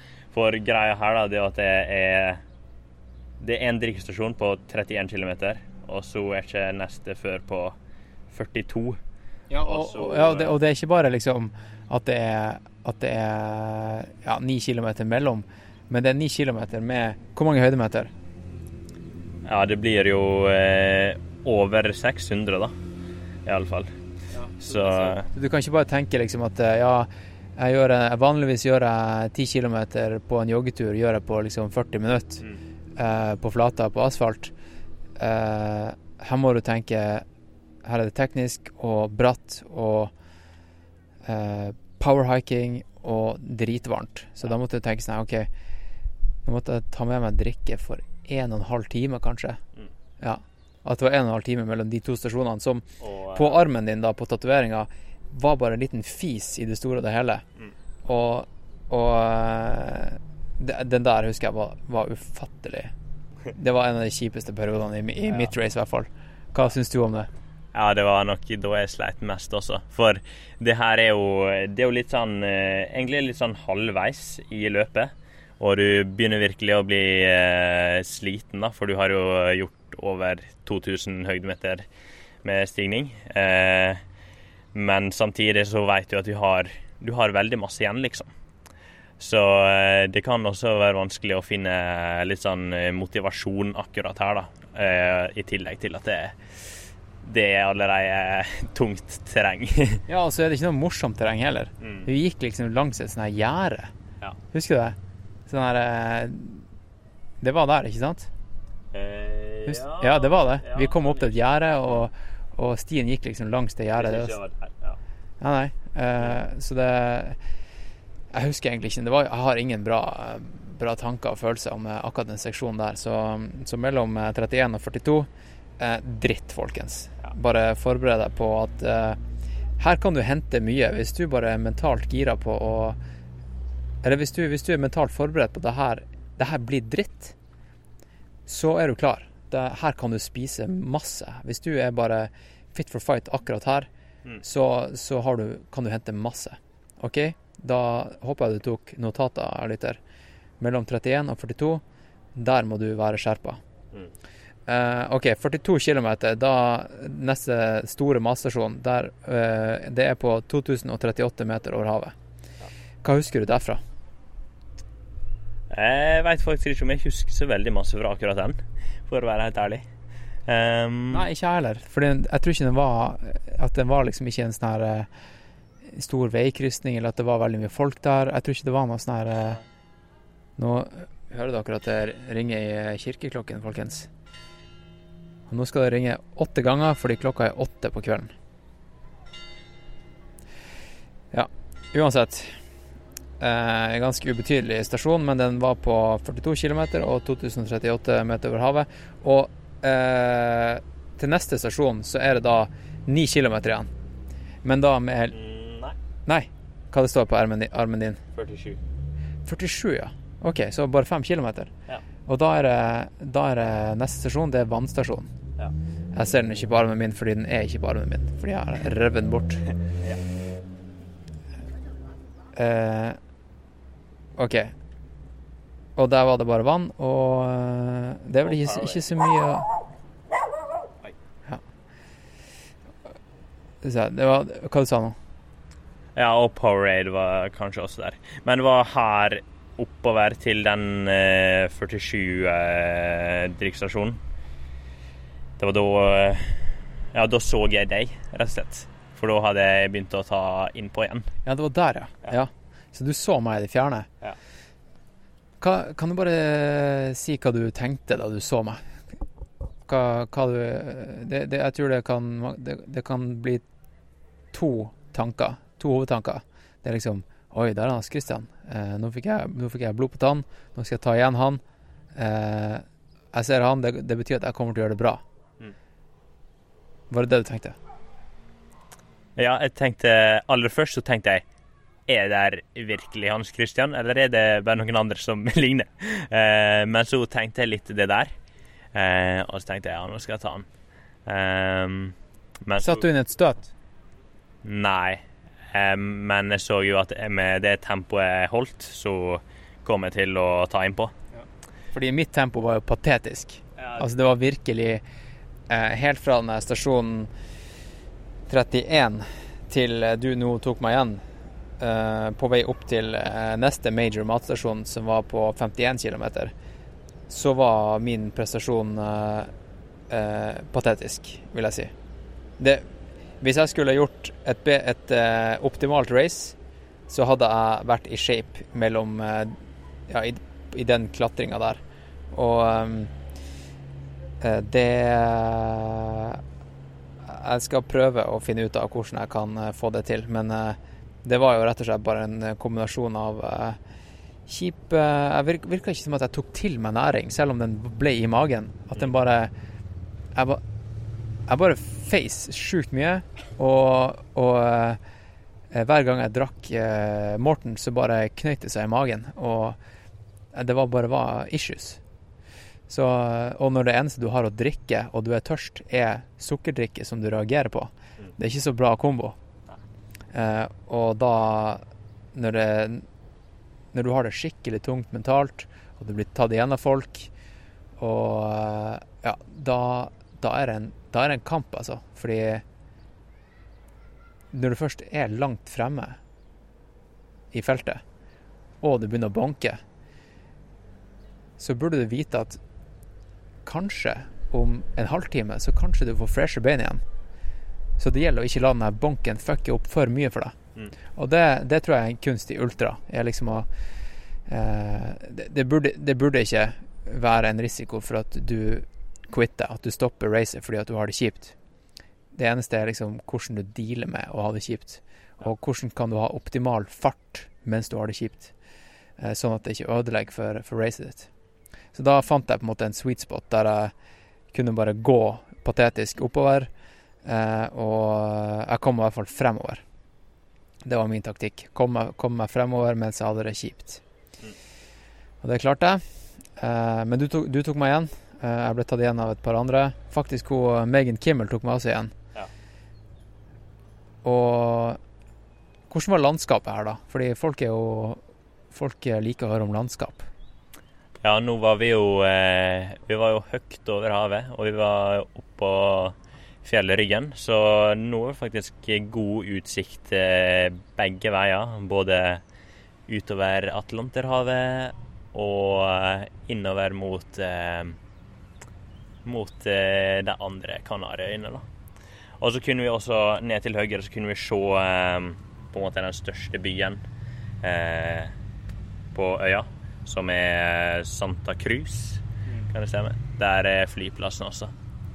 Så ja, og rent eh, stimessig, da, så var det en god del eh, steiner og eh, ja, en del sånn grus. Litt sånn ja, veldig tørt landskap, da.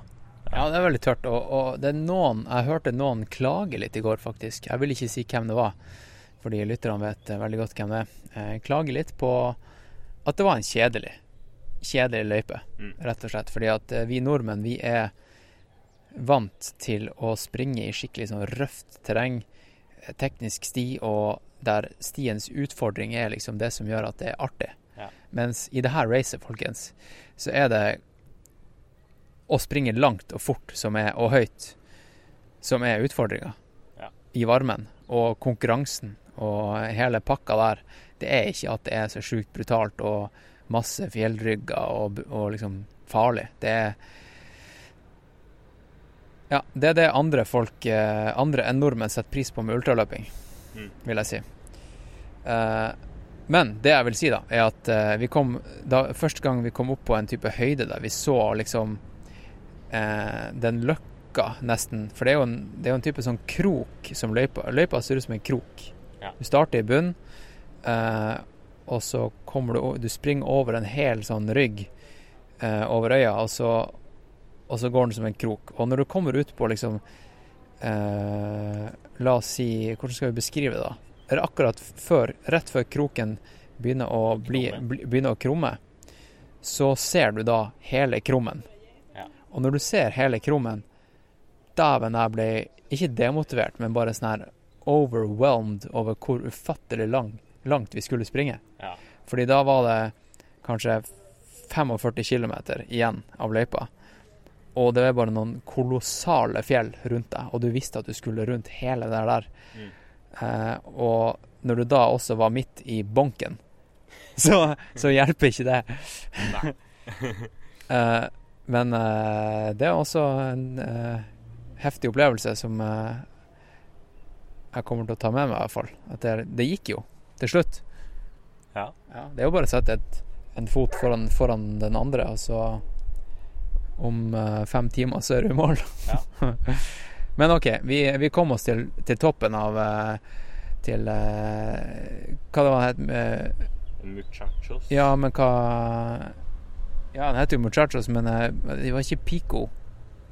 Var det Rock- de la, de la Muchachos. Ja. Ja. Og det er også et sånn her plant, planetarium slash stjerneobservatorium. Og hvis dere ser bilder fra, fra Transvulkania, så er det eh, sånne her hvite, store, klumpete bygninger i, i et sånn her eh, lavalandskap. Det er de her observatoriene. observatoriumene. Ja. Og det er toppen av, av selv, eller Det høyeste punktet på øya, og der er det også en aid station, som er liksom hoved-aid station. Og den er på 51,82 km. Mm. Veldig spesifikt 82. Ja. Så nesten 52 km. og etter det så er det eh, raka veien ned til havet, egentlig. ja. Nesten. Det, det var Det ja, det sånn litt flate seksjoner inni her og der, men sånn roughly. Mm. Roughly så er det nedover. Ja. Ikke sant? Ja. Og Men eh, også eh, Det er sånn Du kan tenke at du er, du er helt på eh, toppen og ferdig med all stigning når du er på den drikkestasjonen, men det var fortsatt litt ned og litt opp igjen et par ganger før du virkelig begynte på downhillen. var det en demotiverende for deg at du kanskje hadde mentalt preppa for å springe nedover, men så var det litt oppover?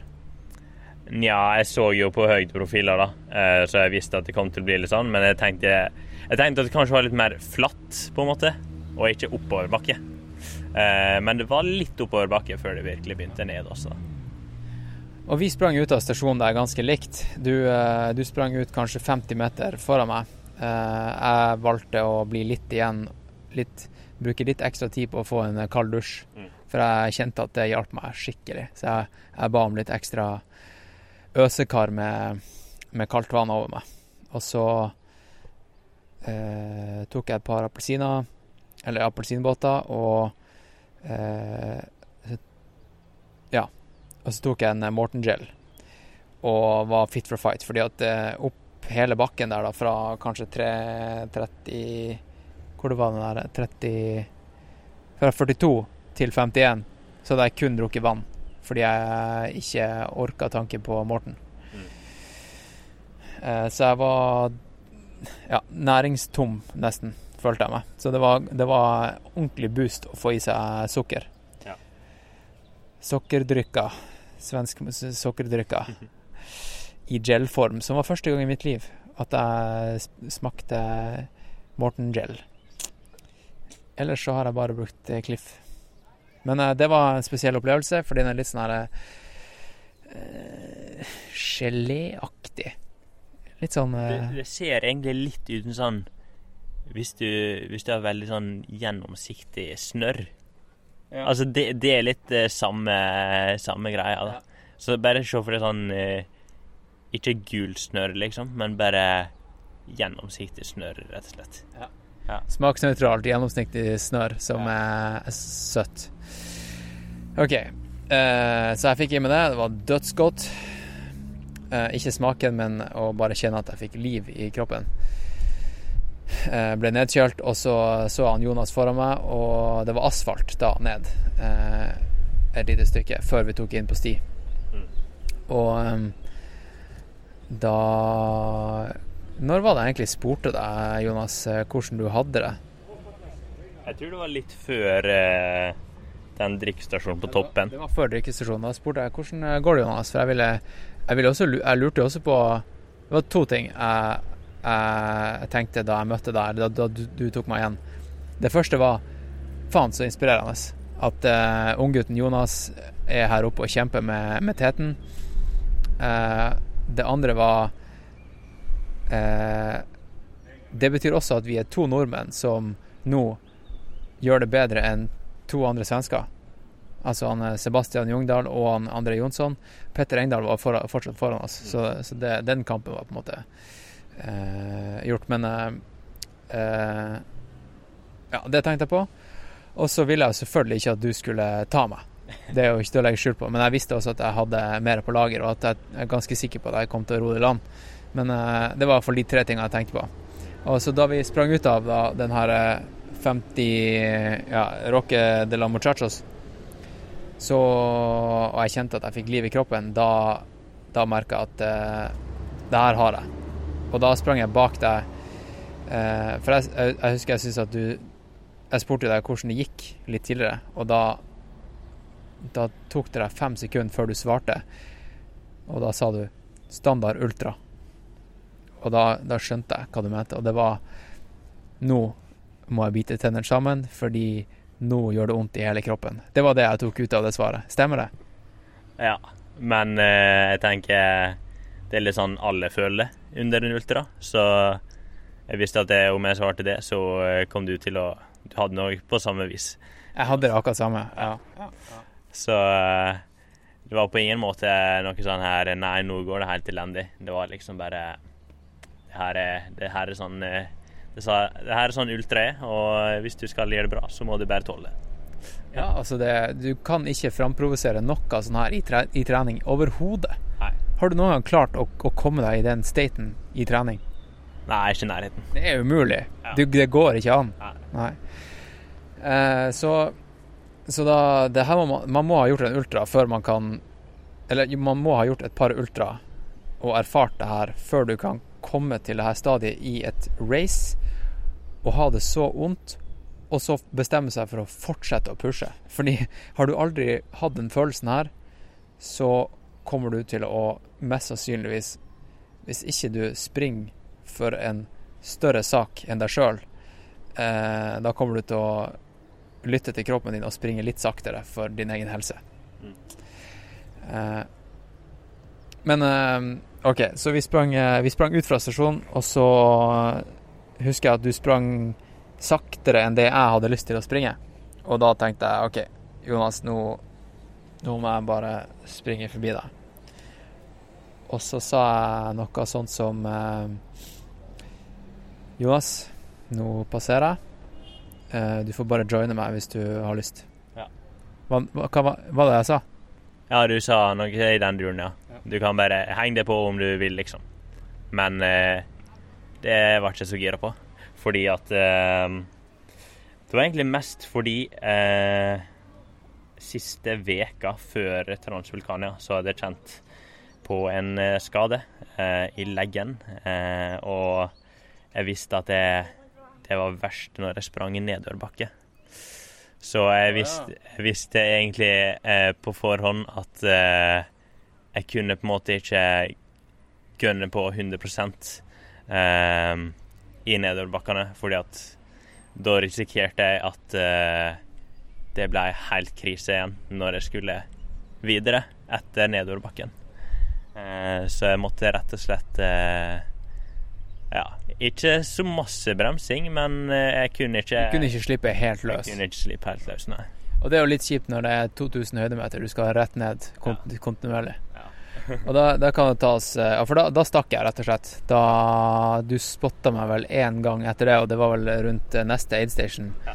som var litt sånn her type slynge, der du kunne på en måte eh, Du kom rundt et hjørne, og så ser du aid station rundt Rundt en, på en måte Man sprang Hvordan vil du beskrive det her, egentlig?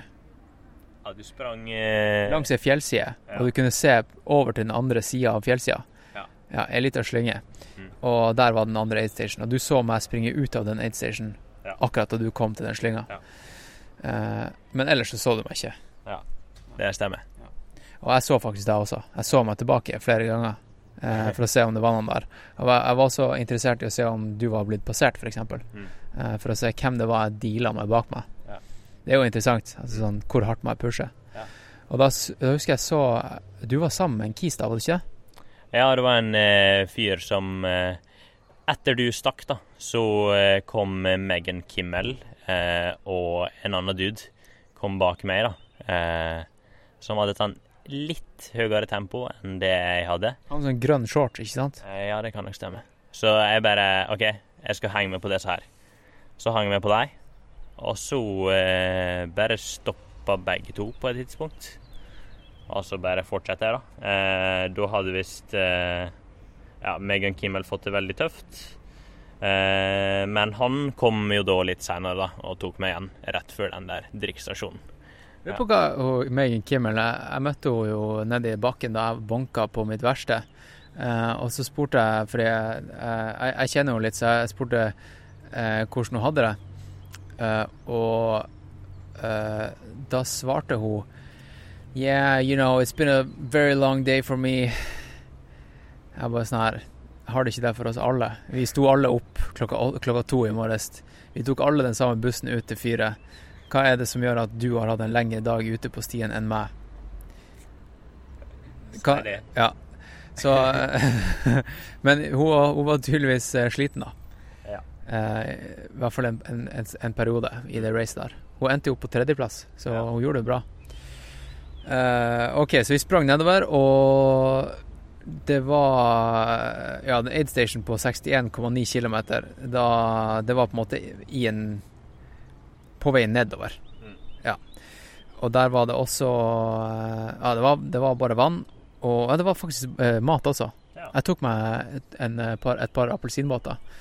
Og så var det en sånn her eh, hageslange der det sto en kis og bare spylte deg i trynet. Ja. Det var ganske nice. Det var digg. Det var alltid digg. Ja.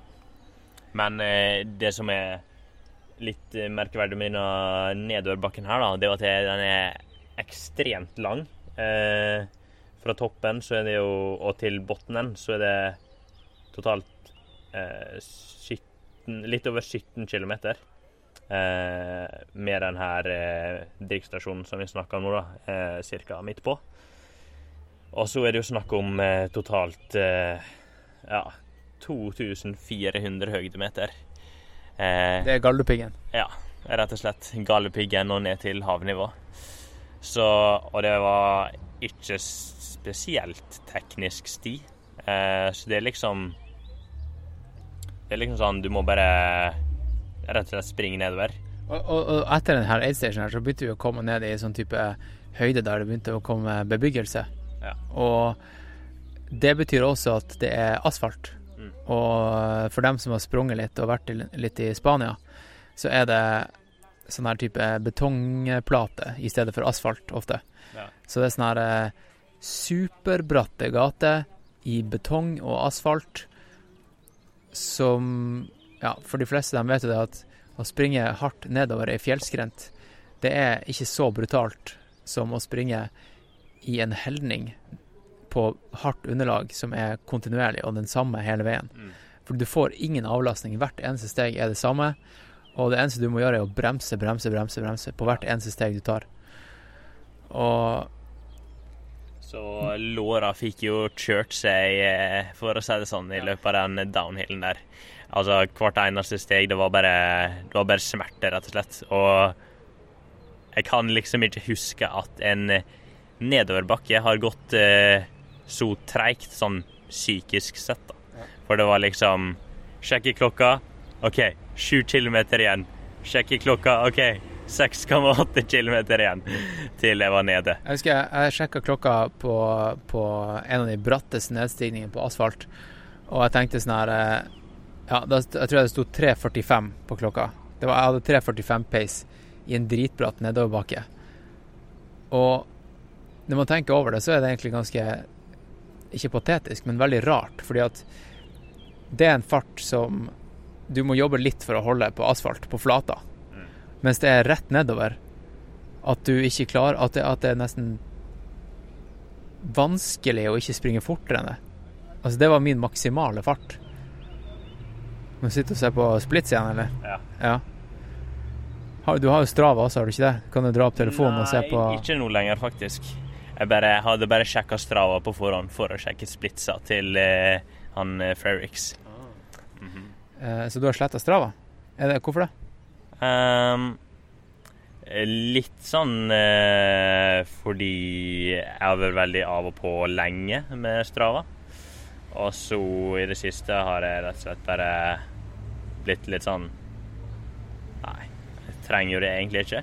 Eh, spesielt etter at jeg fikk meg coach, for da føler jeg på en måte at jeg Ja. Jeg får den eh, Jeg får mer eh, sjøltillit fra coachen min enn eh, jeg får fra ulike kommentarer.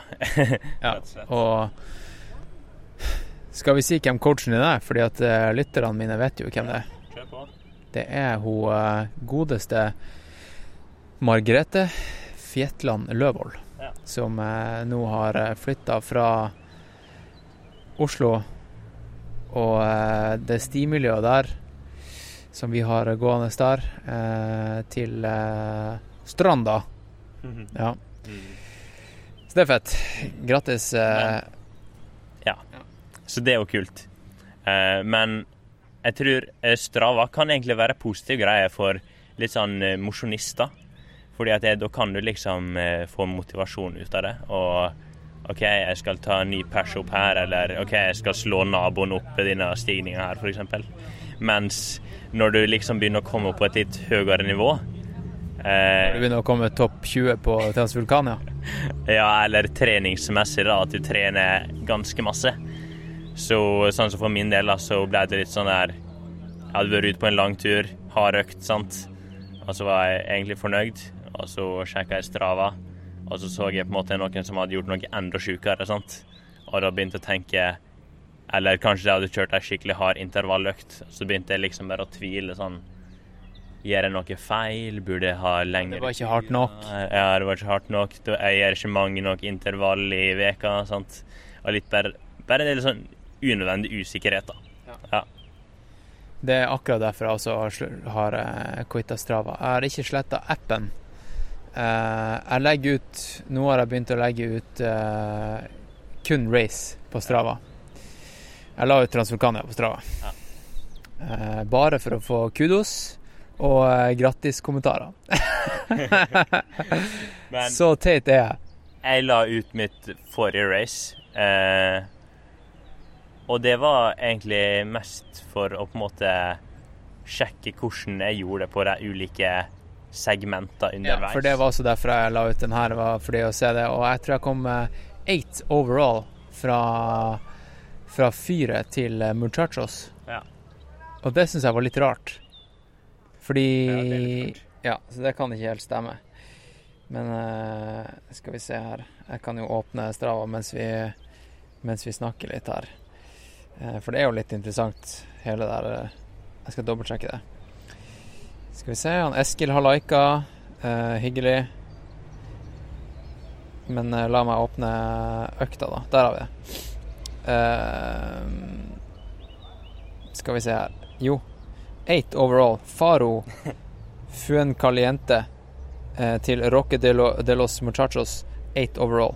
Mm. Så da brukte jeg 5 timer og 52 minutter til toppen av, eh, av det fjellet. Ja. Eh, men Strava, det er jo ikke alle som er på Strava heller, ikke sant? så det er jo, liksom, det er jo litt unøyaktig sånn sett. Kanskje de som faktisk var raskere enn jeg, har bare kommet et nivå videre og bare quitta Strava helt, sant? Og ikke legge ut på race engang. Ja, kanskje det. Ja, kanskje det. Ja, bortsett fra han Tim Frerix og han Kilian. Ja. Så eh, OK. Så vi, vi sprang nedover her eh, asfaltveiene her. Og vi visste det at når de her asfaltveiene var ferdig, så kom vi til å ende opp eh, med noen klipper som skulle ta oss rett ned til havet. Tre meter over, havet. Eh, til ei strand og en strandpromenade som var da fire kilometer før målgang. Og hvis noen har sett videoer fra Transvulkania, så er det de her sikksakk-nedstigningene ned, på brosteinen som er Det er så bratt ned her, den skrenta her at du må ha at du må zigzagge ned, nedover. Og ehm, ja, hva du kan fortelle om eh, din nedstigning der, eh, Jonas? Jeg kan, jeg kan jo si det at der tok jeg igjen to stykk. Ah. Eh, og det var ganske fett, for da ser du ser jo rett ned, og du ser folk ned foran deg, ganske enkelt. Eh, og da fikk jeg blod på tann og bare gønna på og tok igjen dem før jeg kom til stasjonen, da, nede på havnivå. Hva du, hvordan opplevelse hadde du av det? Nei, jeg så absolutt ingen eh, når jeg sprang ned der, eh, annet enn eh, folk som sto langs løypa og heia. Eh, så det eneste jeg tenkte på, det var nå er jeg endelig snart nede fra det her eh, fjellet. Så eh, det var jo også veldig kult å på en måte være så høyt over eh, selve byen eh, når vi begynte på den sikksakinga, men likevel så hørte vi veldig tydelig alt det her livet da, som var nede i, nede i sentrum. Ja, fordi nede, nede med, med sentrum, da, eller det jo, heter jo eh, eh, Puerto de Tazacorte der nede. Som er på en måte stranda eller en molo, da. Eh, som er rett nedfor Tazacorte, der vi er nå. Um, og Skal vi se, hva jeg skulle egentlig si nå? Hva det var jeg på, var på vei til å si nå? At det var stemningen der. Jo, stemninga var jo der fordi at, eh, at det er også målgang for maraton og halvmaraton. Nei, ikke halvmaraton, men det er målgang og start for VK-en eh, også. Ja, Men eh, i hvert fall eh, maratonet, og derfor er det, var det masse liv der. Så det kan dere også forberede dere på, folkens, at det er masse liv der nede. Og det dere også skal forberede dere på, er at eh, når du er kommet dit, så er du ikke ferdig med racet ditt. Da bærer det inn i Ja, for det første så er det en ganske fet sånn eh, stasjon, da. Det er jo masse liv der. Det er jo fett å springe gjennom, for der, der hadde de eh, Ja, det er jo både en av de her det er en av de hovedstasjonene med mat og sånt, men eh, det er ikke akkurat tid for å spise masse mat der. Det som var fett der, var at eh, det var masse vann, altså sånn, som du fikk spruta i trynet. Du sprang gjennom en sånn eh, vanntunnel med, fra, som hadde sånn sprinkelsystem. Og så eh, masse folk som ville high five deg, så du får masse energi av folk. Det er jo kjempeviktig, er det ikke det? Du føler deg som en kjendis for alle kidsa på øya. da, For alle er jo supergira på high five, og du ser liksom Du tar en high five, og det er bare at han tok på meg, liksom. Så det er jo litt sånn surrealistisk følelse. Så, så da, da springer vi gjennom da, på denne strandpromenaden. Og så eh, tar vi ned på stranda, som er svart lavasand. Fin sand. Svart. eh, Ganske sånn, ganske fet strand, egentlig. Vi var jo der nede i stad Mm. og, eh, og kjente litt på sanda. Det, det er jo dritvarmt der, fordi at det er jo svart. Mm. Ganske fett, faktisk. Eh, men da tar vi inn på stranda, og så under brua, under strandpromenaden, og så opp i dalen, som da skal ta deg eh, til eh, Los Lianos, eh, der målgangen er. Og da springer du helt inn i dalen, inn i en sånn ravine, og så er det en klatring opp da til, eh, til eh, bebyggelsen opp da i eh, Los Lianos. Og den veien opp fra ravinen Eller først kan jeg beskrive selve eh, veien inn i ravinen. Og det er jo for det meste litt sånn store grussteiner. Vil du ikke si det? ja. Eh, En god del eh, store steiner, så du må på en måte Du må eh, passe på å sette føttene riktig, da. For det er ikke bare rent sånn flyttempo, men du kan likevel holde ganske høyt tempo, da. For det, det er ikke like masse sand som det er i starten av løpet. Store grussteiner, og så er er det litt sånn som et uttørka elveleie. Ja. Eh, rett og slett litt sånn hulter til bulter, større steiner. Ja. Eh, så du, du Det gjelder å være skjerpa her for å holde god flyt. Ja. Du, du kan ikke ha et ordentlig bra løpesteg, du må rett og slett bare stokke beina fort for å komme deg fort frem. Eh, og i mitt tilfelle da, så hadde jeg en kis eh, bak meg ca. 100 meter, som jeg spotta. Og målet mitt var å holde han bak meg helt inn til mål, og det var fire kilometer. Og jeg visste at eh, Ja, det- jeg visste at det var fire kilometer inn, og eh, hvor mange høydemeter var det opp da, den kneika? 400? 340. Så, eh, så det Jeg så for meg at nå skal jeg bare opp til fjellheisen i Tromsø. Mm. Fra, fra, fra Ishavskatedralen i Tromsdalen og opp til fjellheisen. Det er sånn cirka det. Og det er liksom noe jeg kjenner. Og sånne knagger liker jeg å bruke også f.eks. Eh, alltid når det er 12 km igjen til mål, så er det på en måte en stirsdag. Ja. Og en stirsdag, det spiser jeg til frokost. Så når det er sånne lange race, så bruker jeg å tenke at racet er egentlig ikke 74 km. Racet er eh, 62 eh, pluss en liten stirsdag. Ja. Så I mitt tilfelle så skulle jeg bare til denne her stasjonen på 61, eller på 62, og så var resten bare cruising. Ja. Men uh, uh, ja, opp den, opp den bakken der da til Los Llanos, som var siste, altså, altså selve målgang, der uh, visste jeg da også siden at vi sikksakka opp til byen, så kom han til å kunne se meg hele veien. Mm. Og da er det et lite spill her, ikke sant? Da tenkte jeg OK, ikke bare skal jeg springe fortere enn han, jeg skal vise han med min løpestil at jeg ikke er sliten, sånn at han mister motet. Mm. Det syns jeg er nesten like viktig. Ja. Eh, og, og det jeg gjorde da, var at jeg ikke bare sprang jeg fortere, men jeg sprang selv om jeg like gjerne kunne gått i samme tempo. Skjønner du hva jeg mener? Ja. Jeg trippa liksom med sånn lette steg og bare lata som at jeg hadde masse, masse energi. Eh, noe som jeg egentlig ikke hadde, men, men jeg på en måte framprovoserte et falskt eh, Ja, noe falskt. Du lata som at du sprang samtidig som du gikk, rett og slett. Ja, det var det jeg gjorde. Ja. En såkalt ultrashuffle. Ja. Og så da Men jeg tror, jeg tror det, det steget jeg fikk med late som-løpinga, eh, gjorde at jeg kom meg raskere til mål enn jeg ville gjort hvis jeg bare hadde gått. Mm. Så da kom jeg meg opp til eh, byen Los Lianos, og så var det eh, rundt et par, eh, par gater, og så var det egentlig en strak gate på nesten en kilometer, egentlig. Endeløs gate helt inn til mål, der hele gata var bare en sånn her festgate, med der alle som Det er jo bare en av hovedgatene i, i den byen der, da. Mm. Og alle restauranter og sånt hadde jo egentlig bare dratt restauranten sin ut på gata, og eh, alle drakk eh, masse alkohol og hang ut mot løypa og ville high five deg. Ja. Og eh, kla klappa, og de hadde musikk ut fra restaurantene, og eh, masse kids som ville high five deg. Mens det eneste jeg ville, var å komme meg til mål før han her jævelen bak meg, og holde han bak meg, da. Så jeg måtte på en måte bare deale med smerte samtidig som jeg måtte løpe fra han. Eh, og selvfølgelig high five de her kidsene på veien.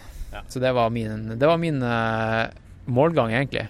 Deale med smerte, løpe så fort jeg klarte, og eh, holde stilen, sånn at han tenkte at eh, det ikke var mulig å hente meg. Ja. Det var Jeg kan snakke om målgang etterpå. Hvordan var din opplevelse av hele den ravinen og stigninga? Jo, jeg hadde hørt at den ravina skulle være ekstremt varm, men eh, jeg opplevde den faktisk ikke som så varm. Fordi at vi hadde jo nettopp vært på en drikkestasjon, eh, og der fikk vi jo masse vann over hodet, og også gjennom den vanntunnelen. Så den ravina gikk faktisk overraskende greit. Eh, I motsetning til det, da, så ja, følte jeg iallfall at jeg sprang helt alene. Jeg så ingen foran eller bak meg, så det var litt sånn der Nå skal jeg bare komme i mål, liksom. Eh, og så klarte jeg faktisk å springe feil eh, akkurat når vi skulle begynne på oppoverbakken, da. Siste oppoverbakke. Eh, så jeg havna midt oppå bilveien, og så begynte jeg å springe litt oppover bilveien før eh, jeg så på de som kjørte bilene, og de bare så veldig rart på meg. Så da tenkte jeg OK, nå må jeg snu. Og så sprang jeg kanskje 200 meter nedover før jeg kom inn på løypa igjen da, og måtte begynne oppover igjen. Og da, eh, da så jeg to personer da, faktisk, eh, som var et stykke foran meg. Eh, Jeg så han ene, han gikk veldig sakte. Tenkte han der tar jeg. Mens en annen hadde litt høyere tempo, så jeg tenkte ja, kanskje mulig. Men eh, ja, jeg opplevde disse stigningene som veldig tunge, da, for det var litt sånn her Det var egentlig ikke så bratt, det. Jeg følte jeg liksom Jeg burde springe. Men Som jeg, mellomsak, ikke Ja. sant? Ja. jeg burde springe, liksom. Men jeg var bare så sliten at det Det bare Det ble litt sånn som eh, du hadde det. At jeg liksom Jeg prøvde å late som jeg sprang, men så eh, Så var det egentlig gåing. Så det var litt sånn der Springer 20 steg, går 20 steg. Selv om det egentlig var samme tempoet, da. Ja. Eh, men omsider, da, så når du Når du beveger deg framover, så kommer du deg logisk nok lenger fram. Så eh, ja, jeg kom opp eh, til kanten, opp til selve byen. Og da hadde jeg tatt igjen han her fyren som jeg eh, så gikk sakte, da. Men så viste det seg han, eh, han var visst ikke med på løpet eller noe sånt. Det var en klassiker. Ja. Så det var jo litt, eh, det var litt kjipt for meg, da. Men likevel så var jo det en opptur å komme til Til folk. til folk og virkelig god stemning langs gata der, da. Og jeg husker Nå skal jeg bare prøve å springe så fort som mulig inn til mål. Eh, selv om det ikke gikk så fort etter eh, 73 km. Eh, og jeg high fiva litt eh, folk underveis. Men jeg merka også at jeg var jo Jeg var jo så sliten at det var, det var liksom en anstrengelse å bare å high five folk og få den der lille pushen tilbake av å møte ei hand. Eh, det var liksom nok til å kjenne at det, oi, det var litt tyngre enn å bare jogge vanlig, liksom. At du fikk motstand i å, i å treffe ofte high five? Ja. At det liksom senka deg Ja, i fart? Jeg, jeg følte det. Det var sikkert bare psykisk, men eh, Jeg husker jeg fikk en sånn her eh, du vet, du vet når du tar high five med en kompis, og så er det sånn her perfekt klask. ja. Jeg fikk en sånn som var bare sånn her Ah. Yes! Det der var en perfekt high five. Bedre kan det ikke bli. Nå skal vi snu oss, for nå tror jeg vi går glipp av en eh, solnedgang her. Ja, det er bare skyer. Nå har vi sittet med ryggen til eh, sola her bak en sånn her blomsterpotte.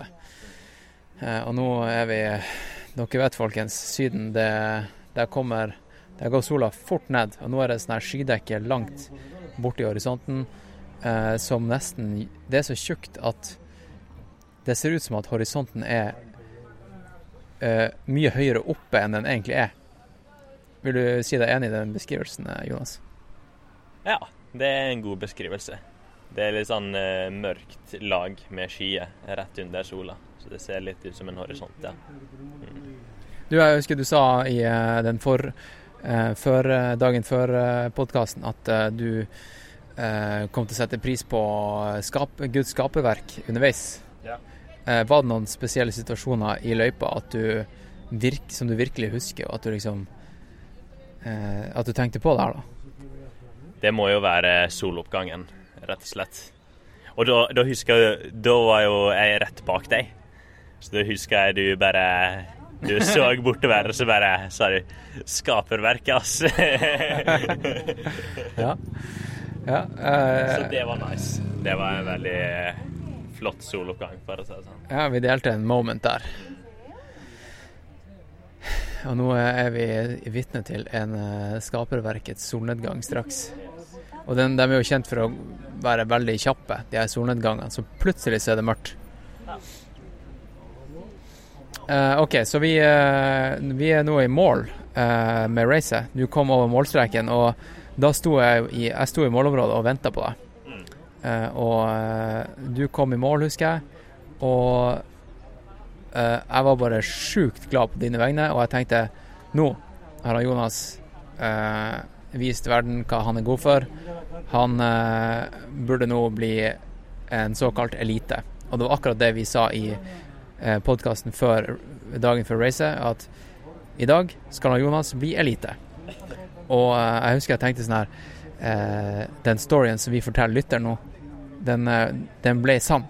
Den eh, kom i oppfyll oppfyllelse. Og eh, neste race du stiller i, da, så er jo du i denne eh, eliteboksen og får eh, prioritering. Det vil jeg, kan jeg garantere deg. Ja, Jeg får satse på det. Og uten at jeg blir tilfeldig plukka ut, sånn som jeg ble i går. Eh, og så la du deg ned og kollapsa. Og det kom eh, en kis bort og spurte om eh, du trengte hjelp. Men eh, det som er greia di, er at eh, du trenger ikke hjelp. Det her er bare din trademark, ikke sant? Jeg har jo faktisk, eh, når jeg tenker over det, så har jeg faktisk gjort det i eh, hvert ultra jeg har eh, gjort. Både Tromsø, Sky Race og eh, Hornedal rundt. Så ja, det er jo bare litt digg følelse å legge seg ned og føle at det, du kan rett og slett eh, sovne på asfalten. Fordi at det, du er så sliten. Og da vet du, da vet du liksom Da har du gjort en bra jobb. Da har du gjort en bra jobb. Da har du tatt ut absolutt alt. Eh, jeg tror vi skal gå litt nå, fordi at eh, det er mye folk rundt oss som snakker, og det er ikke så populært. Eh, de som hører på podkasten mens de er på stien, de irriterer seg over bakgrunnsstøy, og da spesielt biler og snakking. Ja. Og denne podkasten har hatt alt. Så vi skal ta på oss, jeg skal ta på meg skoene nå, og så skal vi traske bortover der vi starta, tenker jeg. Eller ja, det kan vi gjøre. Og så runder vi av denne podkasten her eh, mens, vi snak, mens vi går. Eh, jo, altså da, vi kom i mål, og så hun der, eh, Da jeg kom i mål, så var det ei dame som eh, Du vet når det er alltid sånn her, eh, noen som har en mikrofon som går rundt og skal snakke med folk, og det kommer utover høyttalerne.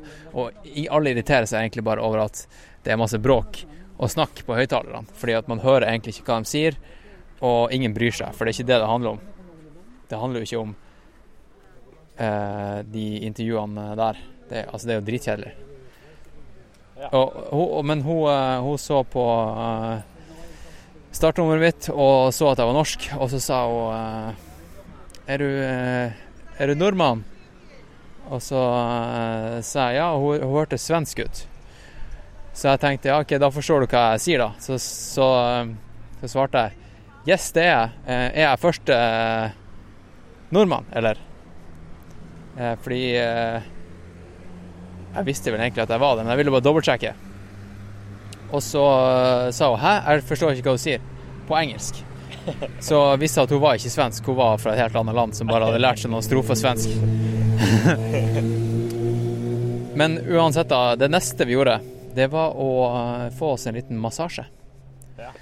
For de har et sånt stort telt der med sånne massører. Det var nice. Er det noe du vil si om det? Nei, det er jo eh, hvis, hvis du hører på denne podkasten og du arrangerer et ultraløp, prøv å få til, eh, prøv å få til det, ass. For det, det var skikkelig digg hvis du har sprunget. Du, jeg vet jo at det er et par race directors som hører på denne podkasten her. Ikke bare et par, men et, eh, et knippe. I hvert fall i Norge, som hører på denne podkasten her. Av, ehm, av ting som du har observert av eh, fra arrangøren sin side, eh, som eh, foregikk i helga. Er det noe du er imponert over, og ting som du savner i Norge, som vi burde ha? Jeg syns det, det er kanskje ikke så masse opp til arrangøren, da. Jo, litt. Men å virkelig få med lokalbefolkninga. Fordi at det her er jo ikke sånn kjempestor øy, men det er virkelig mange som er med som frivillige. Og ikke bare frivillige, men også publikum underveis. Fordi at eh, det her er jo virkelig en eh, folkefest og ja, årets happening på La Palma. Så eh, det var Jeg ble ganske sånn eh, imponert, nesten. Imponert over lokalbefolkninga når jeg kom opp til første drikkestasjon der. Og klokka var jo bare kvart på sju. Og likevel var det liksom eh, fullt liv i den der småbyen der, da. Så det var veldig kult. Og også um, Det var veldig gjennomtenkt med f.eks. Eh, ja, vi fikk jo god tilgang på eh, vann, så vi kunne kjøle oss ned over hele løypa, egentlig. Så det var nice. Det er ikke akkurat det man trenger i Norge oftest. Masse vannspyling. Men Nei. kanskje på Ecotrail når det er et varmt år. Eh, ja, det er et godt poeng. Men eh, poenget er vel litt i det at arrangøren har, har tenkt hva er det løperne trenger på det her løpet? Og så har de skaffa seg det. Ja. Nå fikk vi et par eh, rare blikk her fra ei eh, som Hvis Nå går forbi en bensinstasjon. Skal vi se hva vi ser i vinduet her på bensinstasjonen. Det er postkort. eh, og det er en liten sånn 7-Eleven der inne. Skal vi se her. Nå ser vi der inne, det er sånn typisk eh, Ja, det du kan forvente. Litt motorolje og sånt. Men det litt sigg sig bak kassa, og så er det litt sånn her eh, aviser. Ja, ganske basic sjappe. Tysk avis. Tysk avis, faktisk. Ja. Og litt sånn uh, brus og, og godteri og Se og Hør-aktige magasiner. Fortsatt med en utsikt over eh, Atlanteren og store bananåkre. Og den bensinstasjonen her er Shell, for dem som lurer.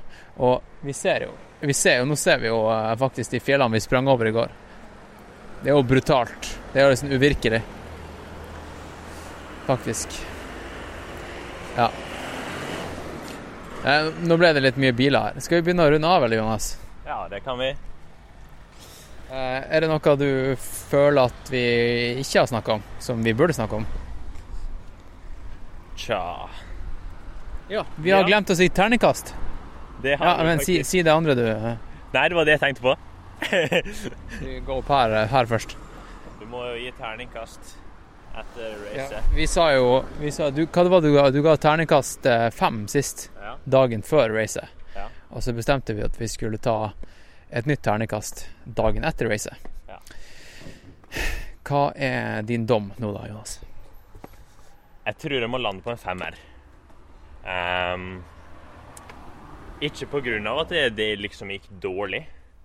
For det gikk eh, temmelig bra med tanke på ja, mitt nivå og, eh, og også at jeg var litt småskada. Eh, men det blir ikke en toppkarakter av eh, Sånn med tanke på at det her er et sky race og et super sky race, så får du ikke den her eh, det tekniske og utsatte og eksponerte terrenget da, som du får i andre sky race.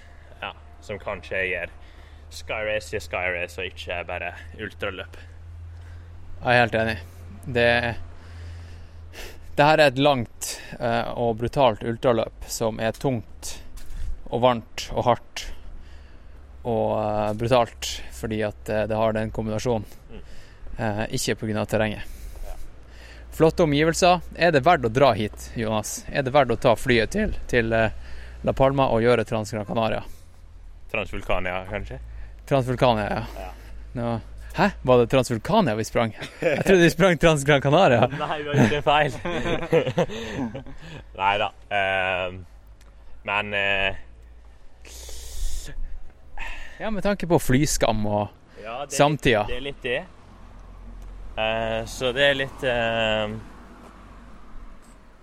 Jeg vet ikke. Jeg, jeg vil ikke anbefale det her som ditt første ultraløp. Men eh, det går jo også an å ta båten, f.eks. Og da eh, vil jeg absolutt eh, anbefale, anbefale det her, da. Ja. Ja, altså når, det er, når du sitter sett i den konteksten med alle andre race i hele verden, Mm. og hvis man racer bare av å, å få kule opplevelser, så vil jeg nok ikke dra hit. For da er det mange andre race som både er nærmere og spektakulære man kan gjøre hvis man er nordmann. Men hvis man eh, vil gjøre et race som nordmann, eh, og f.eks. da hamle opp i, i teten totalt sett i skyrunning-cupen, Ja. eh, så er det her absolutt et av de racene som man burde gjøre. For det er jo et av de klassikerne av ultrarace og skyrace. Mm. Så sånn sett så er det jo på en måte verdt det, da. Men Ja. Um, Og også hvis du er veldig ute etter god stemning langs løypa, så det er her et bra løp for det, da. Ja. da tror jeg lytterne har fått eh, masse bra informasjon. Og så får du bare sette deg på, på startlista neste år hvis du blir frista. Og sende han Jonas en melding dersom eh, Oi, der står det en hund i vinduet. eh, send han Jonas en melding dersom eh, du lurer på noe om eh, løypa. Ja, det kan du. Eller hvis du lurer på noe om han Jonas. Ja. Ja. Eh, Så får du ha en fin dag videre, lytter. Eh, Er det noe du, har du er det noe du vil si til lytteren, Jonas? Ja, har jeg det? Eh, jeg vil si at det eh, Selv om eh, vi bruker masse tid på springing og eh, trening, så finnes det større ting her i livet enn eh, bare det. Det kan jeg si meg enig i. Selv om det virker som at det her er det eneste jeg driver med. Eh, Så er det viktig å Ja, som Jonas sier, ha litt andre Et annet fokus i livet også. Løping er ikke alt, folkens. Løping er ikke alt. Over og ut.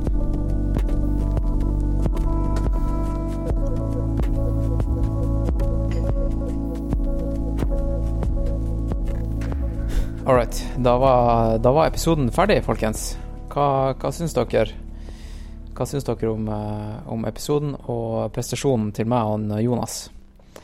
Ta og eh, Gå på f.eks. Instagram, og så kommenterer du. Og så deler du posten, og så sprer du det gode budskapet videre.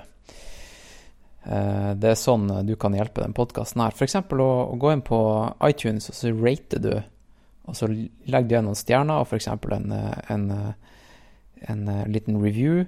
Og apropos det jeg sa i starten, i introen med, med 100 Patrions. Jeg sjekka iTunes i stad, og vet du hva? Det er 100 stykk som har rata. Jeg lurer på om de 100 er også de 100 Patrionsene. Hvem vet? Kanskje det er bare sånn her 100 ekstremt store fans av podkasten. Ja, uansett, da. Jeg skal ikke eh, drive med selvreklame her nå. Nå, nå, er det, nå er jeg ferdig med det. Uh, skal vi se her nå. Uh, jeg hadde litt ting på, på hjertet. Og um, Jo, det var det her med relative energy deficiency in sports. Og uh, det jo på en måte blitt en av mine, føler jeg da, hjertesaker nå i det siste. Fordi den podkasten her, den har tatt litt av når det kommer til, eh, til lytterantall. Og jeg føler litt på et samfunnsansvar. Så nå skal jeg ta, ta, ta en støyt, og så skal jeg eh, dele litt med dere. Og så eh, håper jeg dere sitter igjen med noe fornuftig etterpå. Og um, det her med relative energy deficiency in sports, det er Første gang jeg hørte om det, det var Skal vi se, det var vel i fjor, da, da jeg ble tatt ut til å løpe VM for første gang. Og da fikk vi tilsendt et sånn her eh, skriv om eh, om eh, en del ting du må sånn her ja, saker og ting du må skrive under på da, for å få lov til å representere Norge. Og en av de tingene, det var å ehm, Ja, du måtte til legen, og så måtte du få en sånn helseerklæring, selvfølgelig. Da legen må, må gå god for at du er, har helsa i behold nok til å kunne gjennomføre et race av, av ultrakaliber. Uh, og i tillegg da, så bryr jo Idrettsforbundet seg såpass mye om utøverne sine at uh, de vil også at psyken skal være på plass. Og det er jo, det er jo en, eh, en, en kjent sak til dem at eh, jenter sliter mer med, med spiseforstyrrelser enn enn menn. Og eh, derfor var det et, en del av det jeg skriver fra Idrettsforbundet, eller Frihetsforbundet, det var at, at jenter måtte også ha en sånn her godkjenning fra, fra legen, eller så var det ernæringsfysiolog, eh, om at de hadde tatt en sånn her eh, test, eller gått gjennom en prosedyre med at de har alt på stell når det kommer til eh, ernæring. Og eh, tenkte, og, og, og da var det sånn her En del av det spørreskjemaet, det var litt sånn her Um, Har du noen gang følt på, på skam rundt etter måltid? Uh, tenker du for mye på, på kalorier og, og litt sånne her ting? Og, og jeg, jeg satt igjen med, med litt sånn inntrykk om at liksom Hvorfor er det her egentlig bare for jenter? Det er jo like relevant for gutter. Uh, og så jeg, jeg, jeg har lest litt om, eh, om eh, hele konseptet, og egentlig kommet fram til at vet du hva, det her er et såpass stort problem i løping og idrett, toppidrett og, og sånn generelt, at vi må rett og slett bare snakke om det. Fordi at eh, jeg ser det hver dag. Jeg snakker med folk som sliter, og eh, jeg vil ta opp det her, da. Ok, folkens. Eh, for eksempel, da, på Strava. Når du har vært ute og sprunget eller sykla, så, så sitter du igjen med, med litt data. Kilometer, tid og kalorier forbrent.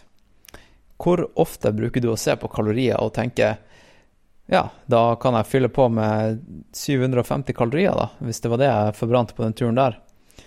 Hvis du er en av dem som gjør det, Og så går du inn i kjøleskapet, og så henter du ut noen saker og ting, og så tenker du yes, nå fyller jeg på med 750 kalorier. Da er du i faresonen. Det det, det, det, er ikke sånn, det er ikke sånn kroppen fungerer. Du skal ta i deg dobbelt av det du forbrant. Og i tillegg så er ikke Strava nøyaktig. Eh, og i hvert fall ikke når det kommer til stiløping, for da bruker du kroppen mye mer enn Strava klarer å skjønne. Så hvis det står 750 kalorier eller 2000 kalorier, så skal du få i deg mye mer enn det som står der. Drit i det tallet. Du skal være i overskudd. Og hvis ikke, så er du i faresonen for å komme i det som heter relative energy deficiency. Og siden vi driver med idrett, så er det, så er det en liten S der, og det er in sports. Og det som skjer da, hvis du hele tida kun fyller på med de kaloriene som du brukte under treninga, eller som du trenger til trening, så har ikke du nok energi til å bruke i hverdagen ellers. Altså, kroppen din trenger også energi til å fungere. Fatter du det? Eh, og hvis du da går over lang tid med det her type mindsettet, så kommer du til å få samme symptomer som f.eks. anorektikere. Og det er at eh, eh, For det første så, så kommer endokrinsystemet ditt til å, til å eh, begynne å fucke opp. Så du, du mister f.eks. sexlyst, testosteronproduksjon, eh, søvnen din går til helvete, og eh, du får ikke restituert deg i det hele tatt. Eh, I tillegg da, så begynner du å ikke tenke klart. Du går i en såkalt uh, tåke. Og det er jo det som mange anorektikere sier, at de, de klarer ikke å tenke klart fordi at de får ikke nok oksygen til hjernen, rett og slett. Og da, det eneste de tenker på da, det er uh, selvfølgelig å gjøre det det eneste de tenker på, er ernæring og mat, og gjøre det riktige. Eh, så eh, det blir en negativ spiral, da. Du, du ender opp med å ikke tenke klart og ikke putte i det, i det de riktige tingene, og så eh, går du i minus. Og det du ender opp med da til slutt, det er at ikke bare blir du tynnere, selvfølgelig blir du tynnere, og kanskje du presterer bra i en liten periode, men plutselig så kan du bli skada.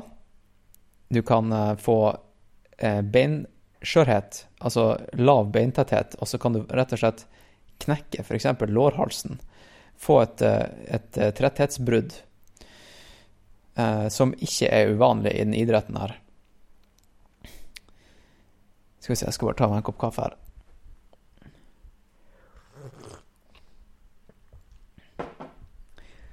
Så vi driver med såkalt ultraløping.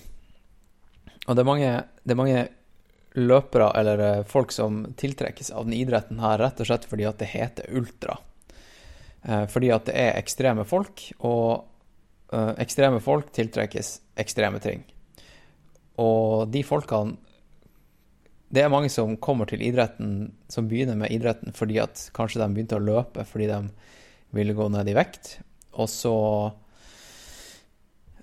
fant de ut at, at hva, kroppen kan faktisk løpe ganske mye lenger enn jeg trodde. Så eh, ultra, det er noe for meg. Og det betyr at jeg kan eh, eh, rett og slett bare løpe av med masse kilo. Og da, da har du helt feil fokus, folkens.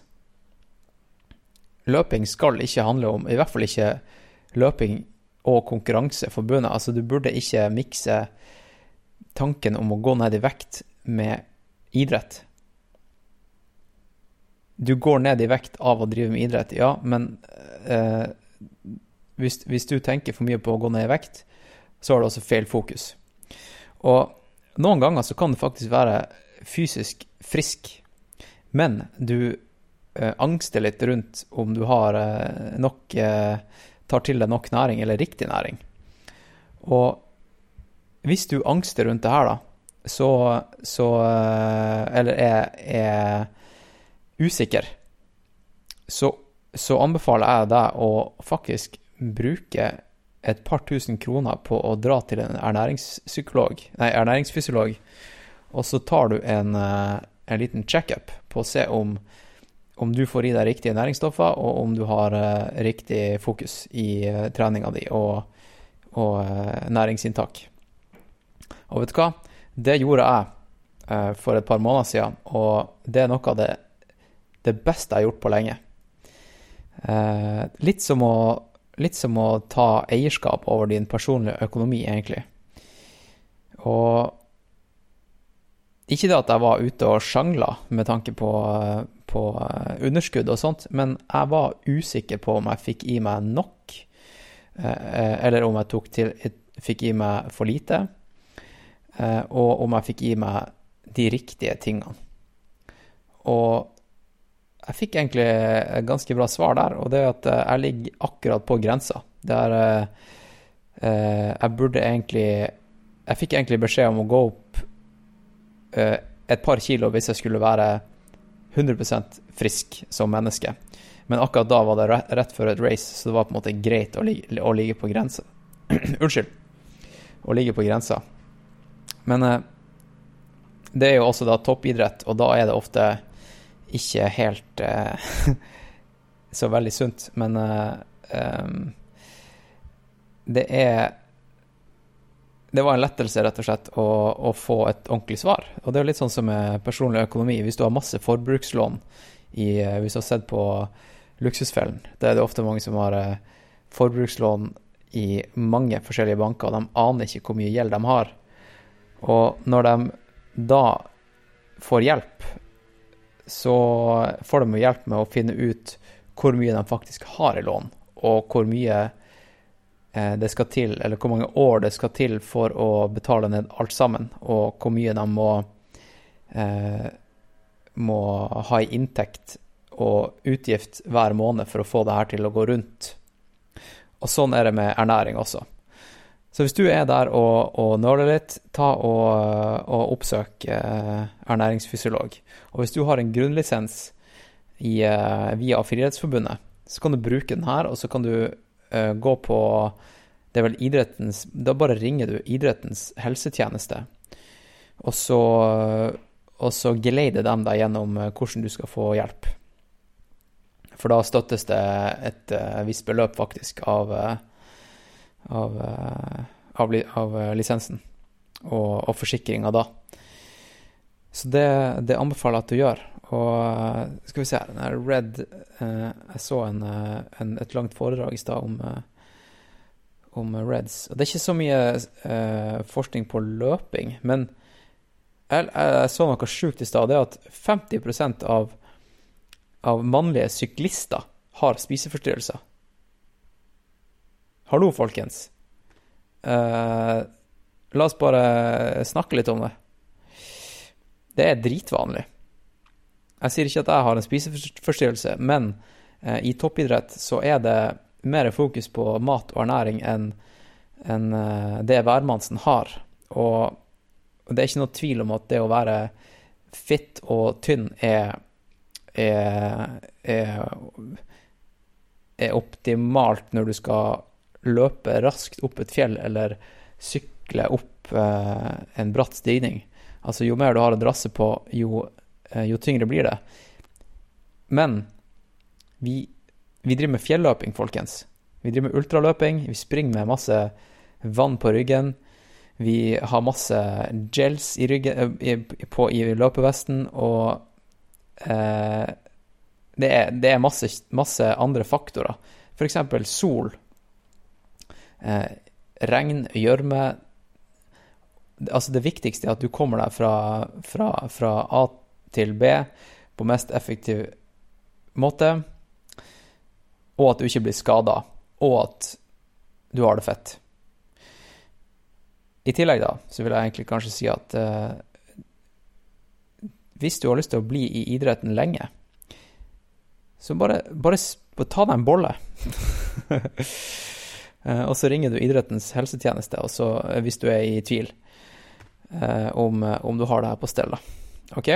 Da. Det var min lille rant om, om relative energy deficiency in sports. Og det handler rett og slett om at din, eh, ditt kaloriregnskap ikke er på minusen eh, når du trener så mye som du gjør.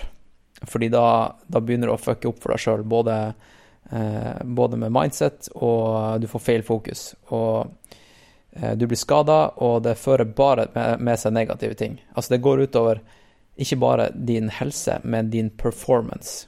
Og det så jeg også i denne, det her foredraget, er at eh, idrettsutøvere som eh, får vite at det går utover helsa di, det driter de egentlig i, fordi at eh, ikke sant, det er jo det er litt som å fortelle røykere at eh, de får kreft, det driter de egentlig i. Men idrettsutøvere som får beskjed om at det kommer til å gå utover din performance, altså ytelse i race, da begynte de å høre på. Eh, det er jo litt artig. Eh, og hun eh, Husker dere Kristin Størme Steira? Hun skiløperen. Hun, det var vel i 2011 så fikk hun nekt av, av Skiforbundet og Idrettsforbundet å, å stille til start i Det var vel World Cup eller et eller annet type, type race. Eh, fordi at hun var på grensa. Og da jobba de med henne og fikk henne opp i vekt og riktig mindset og fokus, og jeg tror det var vel i 2014 så var hun tilbake og, og eh, tok medalje i, eh, i OL i Sotsji. Så um, eh, det er fullt mulig å snu den der en negativ trend hvis du er, ut, ute og kjører litt. OK. Eh, da har jeg snakka noe om Reds. Det er sikkert ikke siste gang du hører meg snakke om det. Jeg skal få et par eh, eksperter på feltet i podkasten om det, og, og snakke om det. Og kanskje folk som har eh, vært litt for langt ute å kjøre når det kommer til akkurat det her.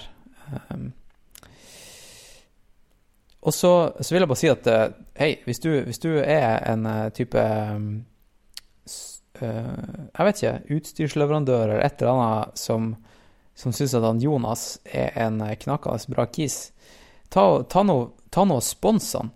Er det noen her i verden som skal sponses, så er det han Jonas Hesthaug. Han er 20 år gammel.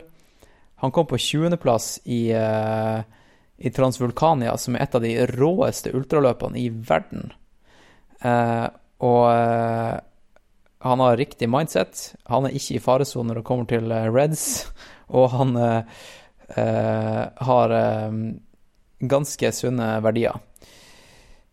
Så ja, ta, ta og bare kontakt han. Jeg, jeg, jeg syns det er så sykt så sykt få her i Norge som blir sponsa.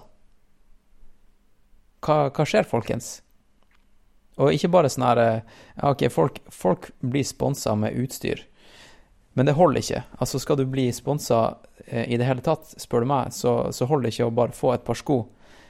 Du må bli, du må, du må bli hjulpet opp og frem, og eh, Skal du sponse Jonas, eller noen andre for den saks skyld, og du er et, en stor leverandør av utstyr, ta og spons eh, flybillett til et race eller treningsleir et eller annet sted, et eller annet sted eller togbilletter. Ta og støtt vedkommende finansielt. Eh, det er sånn du støtter folk. Det er ikke med sko og masse posters, fordi det eneste du gjør da, det er å ta integritet fra utøveren. Hvis han Jonas f.eks. hadde blitt eh, sponsa av et, eh, et merke som, som leverer sko, og han måtte springe i det skomerkets uniform, så er det en skjevfordeling. Det er rett og slett. Du må, du må gi han eh, Du må gi han eh, Du må bare kaste penger etter han, sånn at han kan bli så bra som han kan bli. OK? Og da har du en, eh, en utøver som er med deg lenge, og som er trofast, og som kan gå god for ditt brand. Det holder ikke bare å gi sko, OK? Eh, og så vil jeg si at eh, jeg har fått meg en ny hobby, og det er å eh, Du har kanskje sett det på Instagram. Og jeg har begynt å 3D-printe fjell.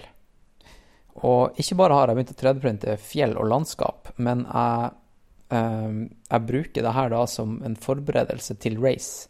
Så før jeg og Jonas dro til, til Transvulkania, så printa jeg ut La Palma, denne øya.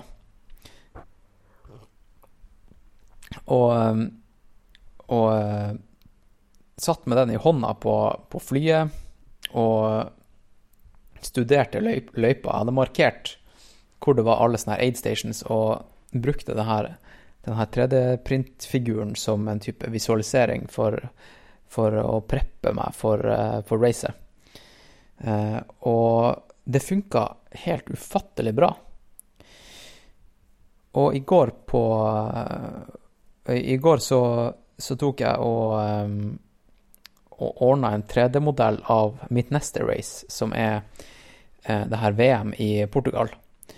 Uh, det, og det er like, det er ikke like fett som, uh, som den øya La Palma, men, men det, den 3D-printen kommer til å Jeg skal printe en, en 3D-figur av den, og så skal jeg faktisk male den også. Så jeg var innom Games Workshop, og så kjøpte jeg sånne malesett, sånn som man uh, bruker på Warhammer. Og så skal jeg, jeg skal legge sånn her baselakk, og så skal jeg en, eh, legge en basemaling. Og så skal jeg legge på skygge og en type sånn her uh, highlights uh, dry paint coating på toppen. Og så skal jeg markere alle aid stations og hvor du får mat og drikke underveis, og hvor det er lov med support og, og sånt. Og det her, folkens, det her er next level Det er en next level visualisering. Og det jeg tenkte da, var at hvis du er en utøver som vil ha ditt neste race eh, printa ut, så kontakter du meg. Så sender du meg en, eh, en eh, e-post eller eh, melding på, på Insta, f.eks. Du, du Ja, all kontaktinfo får du i shownotes her på podkasten. Eh, og så kan vi si det sånn at eh, jeg sender den i posten til deg. Jeg tar 450 for, eh, for den løypa du skal ha printa ut. Og hvis du vil at jeg skal male det her, så eh, Nå har jeg aldri jeg, jeg har ikke så mye erfaring med maling, men det kommer til å ta noen timer å male det her. Og da blir det vel egentlig en normal konsulentpris. Så hvis vi sier at, at eh, en, en malt versjon av løypa di med en rød markering på hvor, hvor eh, løypa faktisk går i fjellet Uh, At den modellen koster 2000, det, det tror jeg er ganske innafor. Det tror jeg Hvis du er super into denne nisjesporten ultraløping og fjelløping og vil ha uh, et fjell eller en fjellregion printa ut i 3D og custom håndmalt av, av meg, så sier du ifra. Og jeg vet du hva, glem det 2000-beløpet. Det blir custom-beløp for hver eneste fjell... eh, fjellregion jeg, jeg printer, for alle, alle er forskjellige. Så ordner vi en pris som er riktig. Kanskje du er en race director som eh, vil ha en flott utprint og maleri av, eh, av racet ditt, med kanskje Det jeg også kan gjøre, jeg kan, eh, jeg kan laserskjære ei plate eh, som den her da er limt og festa på.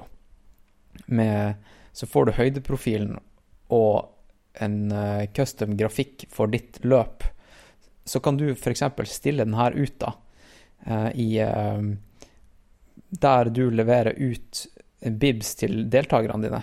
Så kan folk som eh, skal springe racet, gå bort og så kan de ta på løypa og se på den der figuren da, i, manifestert i en 3D-figur. Der, folkens, der har vi en businessidé, og det skal jeg tilby deg. Og bare send meg en melding, og så ordner vi det. Så ordner vi det. Uh, og så har jeg en annen businessidé, og det er at uh, etter at jeg har nå er ferdig med jobb, jobben i eh, Ja, der jeg jobber nå, da,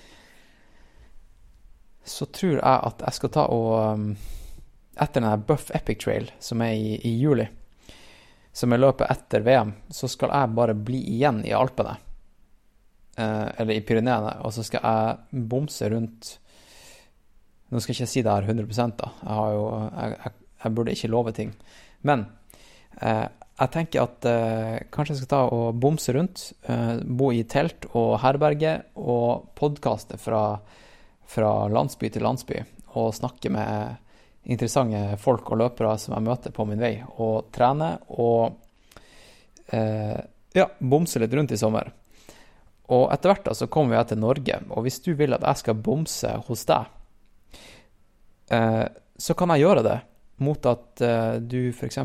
sponser togbillett og overnatting, og kanskje et par varme måltid, så kommer Nå det alvor til deg, ditt race og ditt område, eh, og så får du, får du eksponert ditt eh, race på den podkasten her, og så tar vi en prat.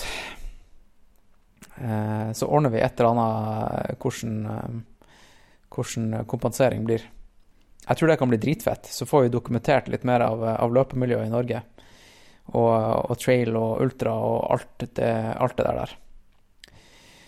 Og det, det siste jeg vil si, da, er jo det at jeg, jeg har jo sagt at jeg er trener for folk, og det stemmer det. Jeg er coach, eh, og akkurat nå så eh, så trener jeg folk som, eh, som, som skal løpe Hornindal rundt, Romeriksåsen på langs, Molde sju topper, Blefjells beste, Nordmarka Ultra Challenge, eh, Ecotrail, Soria Moria, eller det ble faktisk nettopp løpt. Han Kenneth sprang Soria Moria til verdens ende. 100 miles. Hei, folkens. Kenneth, eh, jeg ga en shout-out til deg i, eh, på Instagram i går. Helt seriøst, å springe 100 miles, eh, det står det stor respekt av. Og ikke bare springe 100 miles, men å gjøre det på under 24 timer. Og du klarte jo det her på, på rett over 22. Eh, og topp 10-plassering også. Helt fantastisk, Kenneth. Jeg er stolt, ass. Jeg er superstolt. Og du sprang jo det her racet samme dag som jeg sprang eh, Transvulkania. Og en av de første tingene jeg gjorde da jeg kom i mål, det var å hente telefonen min fra den her eh, sekken, dropbagen som vi hadde fått, eh, og sjekke resultatet og hvordan du lå an i løypa. Så det var dritfett å følge med. Og det neste, neste utøver som skal ut og, ut og herje, det er han Alexander, og han skal springe Ecotrail på her i Oslo. Og det jeg kommer til å være Jeg skal vel jeg skal ta meg en løpetur, og skal jeg ta og være bitte litt crew, tenker jeg, for han. eh, ute i løypa. Kanskje inn i Det starter jo inn i Sørkedalen, men jeg tenker å kanskje møte han eh, før det, det, den aid station som er før man kommer til eh, til Lysakerelva. Jeg husker ikke, men eh, det er ikke så viktig. Eh. Og Kenneth han skal springe Ultrabirken straks, og det blir også fett. Og hun Sigrid hun skal springe Molde sju topper neste helg. Faen, altså. Det er så mye fett som skjer her i Løpe-Norge at uh, uh, Det her er fett. Det er dritfett. OK. Nå skal, jeg, nå skal jeg ta og øh, Det er også en liten nyhet. Noe som øh, noe, faen, Altså, hvis du fortsatt hører på nå og lytter nå, Hvor lenge har jeg snakka nå? Jeg snakka i 27-28 minutter. Monolog. Det er vel egentlig rekord. Uh, ja, det jeg gjør nå, nå uh, det jeg skal gjøre, det er at jeg skal sykle bort til et sted som heter Bare Flyt. Bare Flyt det er et eh, floating-senter. Og hvis floating Hvis du aldri har hørt om konseptet floating, så er det å eh, Hvis du har hørt om sånn her sensory deprivation tank, så er det en sånn her tank eh, som er fylt med vann, og eh, det her er også Det er vel mange, mange, sånn Epsom-salt i vannet, og så er vannet sånn cirka kroppstemperatur. Og konseptet er da at du skal ligge i det vannet her, og du skal ikke føle en dritt. Du skal være helt sensory deprivated. Eh, og det her da skal gi deg eh, ekstremt bra recovery, fordi at det er mye magnesium i det vannet her. I tillegg da så gir det en veldig avslappende effekt. effekt. Eh, og en ganske sånn meditativ tilstand. Så det de ringte meg og ville potensielt gjøre noe greier med podkasten. vi har ikke helt avtalt hva det blir, men jeg skal dra ned og sjekke dem ut nå. Og de har jo også hva det er, noe badstue og sånn her kryobehandling. Så eh, det skal jeg dra nå og sjekke ut. Jeg har aldri testa verken kryo eller floating. Kryo er jo det her eh, is, iskalde behandlinger. Og det skal visstnok være antiinflamatorisk eh, og funker bra på recovery. Og når man springer såpass mye, eller racer såpass mye som jeg gjør akkurat nå, der det er liksom ett ultraløp i eh, hver tredje-fjerde uke, så er recovery dritviktig.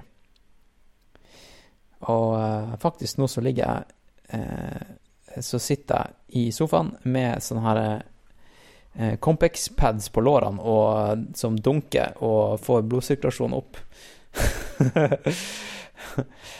OK. Nå følte jeg plutselig at det var litt rart å sitte og prate alene her nå. Jeg følte at det var en sånn her god flyt helt, helt fram til nå, der jeg har vært i en boble og vært litt åpen om den her Reds-greia. Det det er litt vanskelig å snakke om, folkens. Jeg håper dere skjønner det.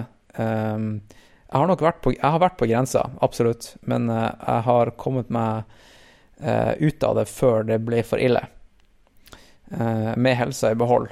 Og jeg vil egentlig bare at du tenker litt over det. Og hvis du har litt feil fokus i ernæring, og, eller ikke rett og slett vet hvor mye og hva du får i deg, så uh, ta og fiks det. Ta, ta og fiks det. Fordi det viktigste er at du kan holde på så lenge som overhodet mulig og ha det fett på veien. All right. Da, da sier vi det sånn, og så snakkes vi i neste episode der, eh, der eh, jeg skal vi se, Det blir episode 55, da.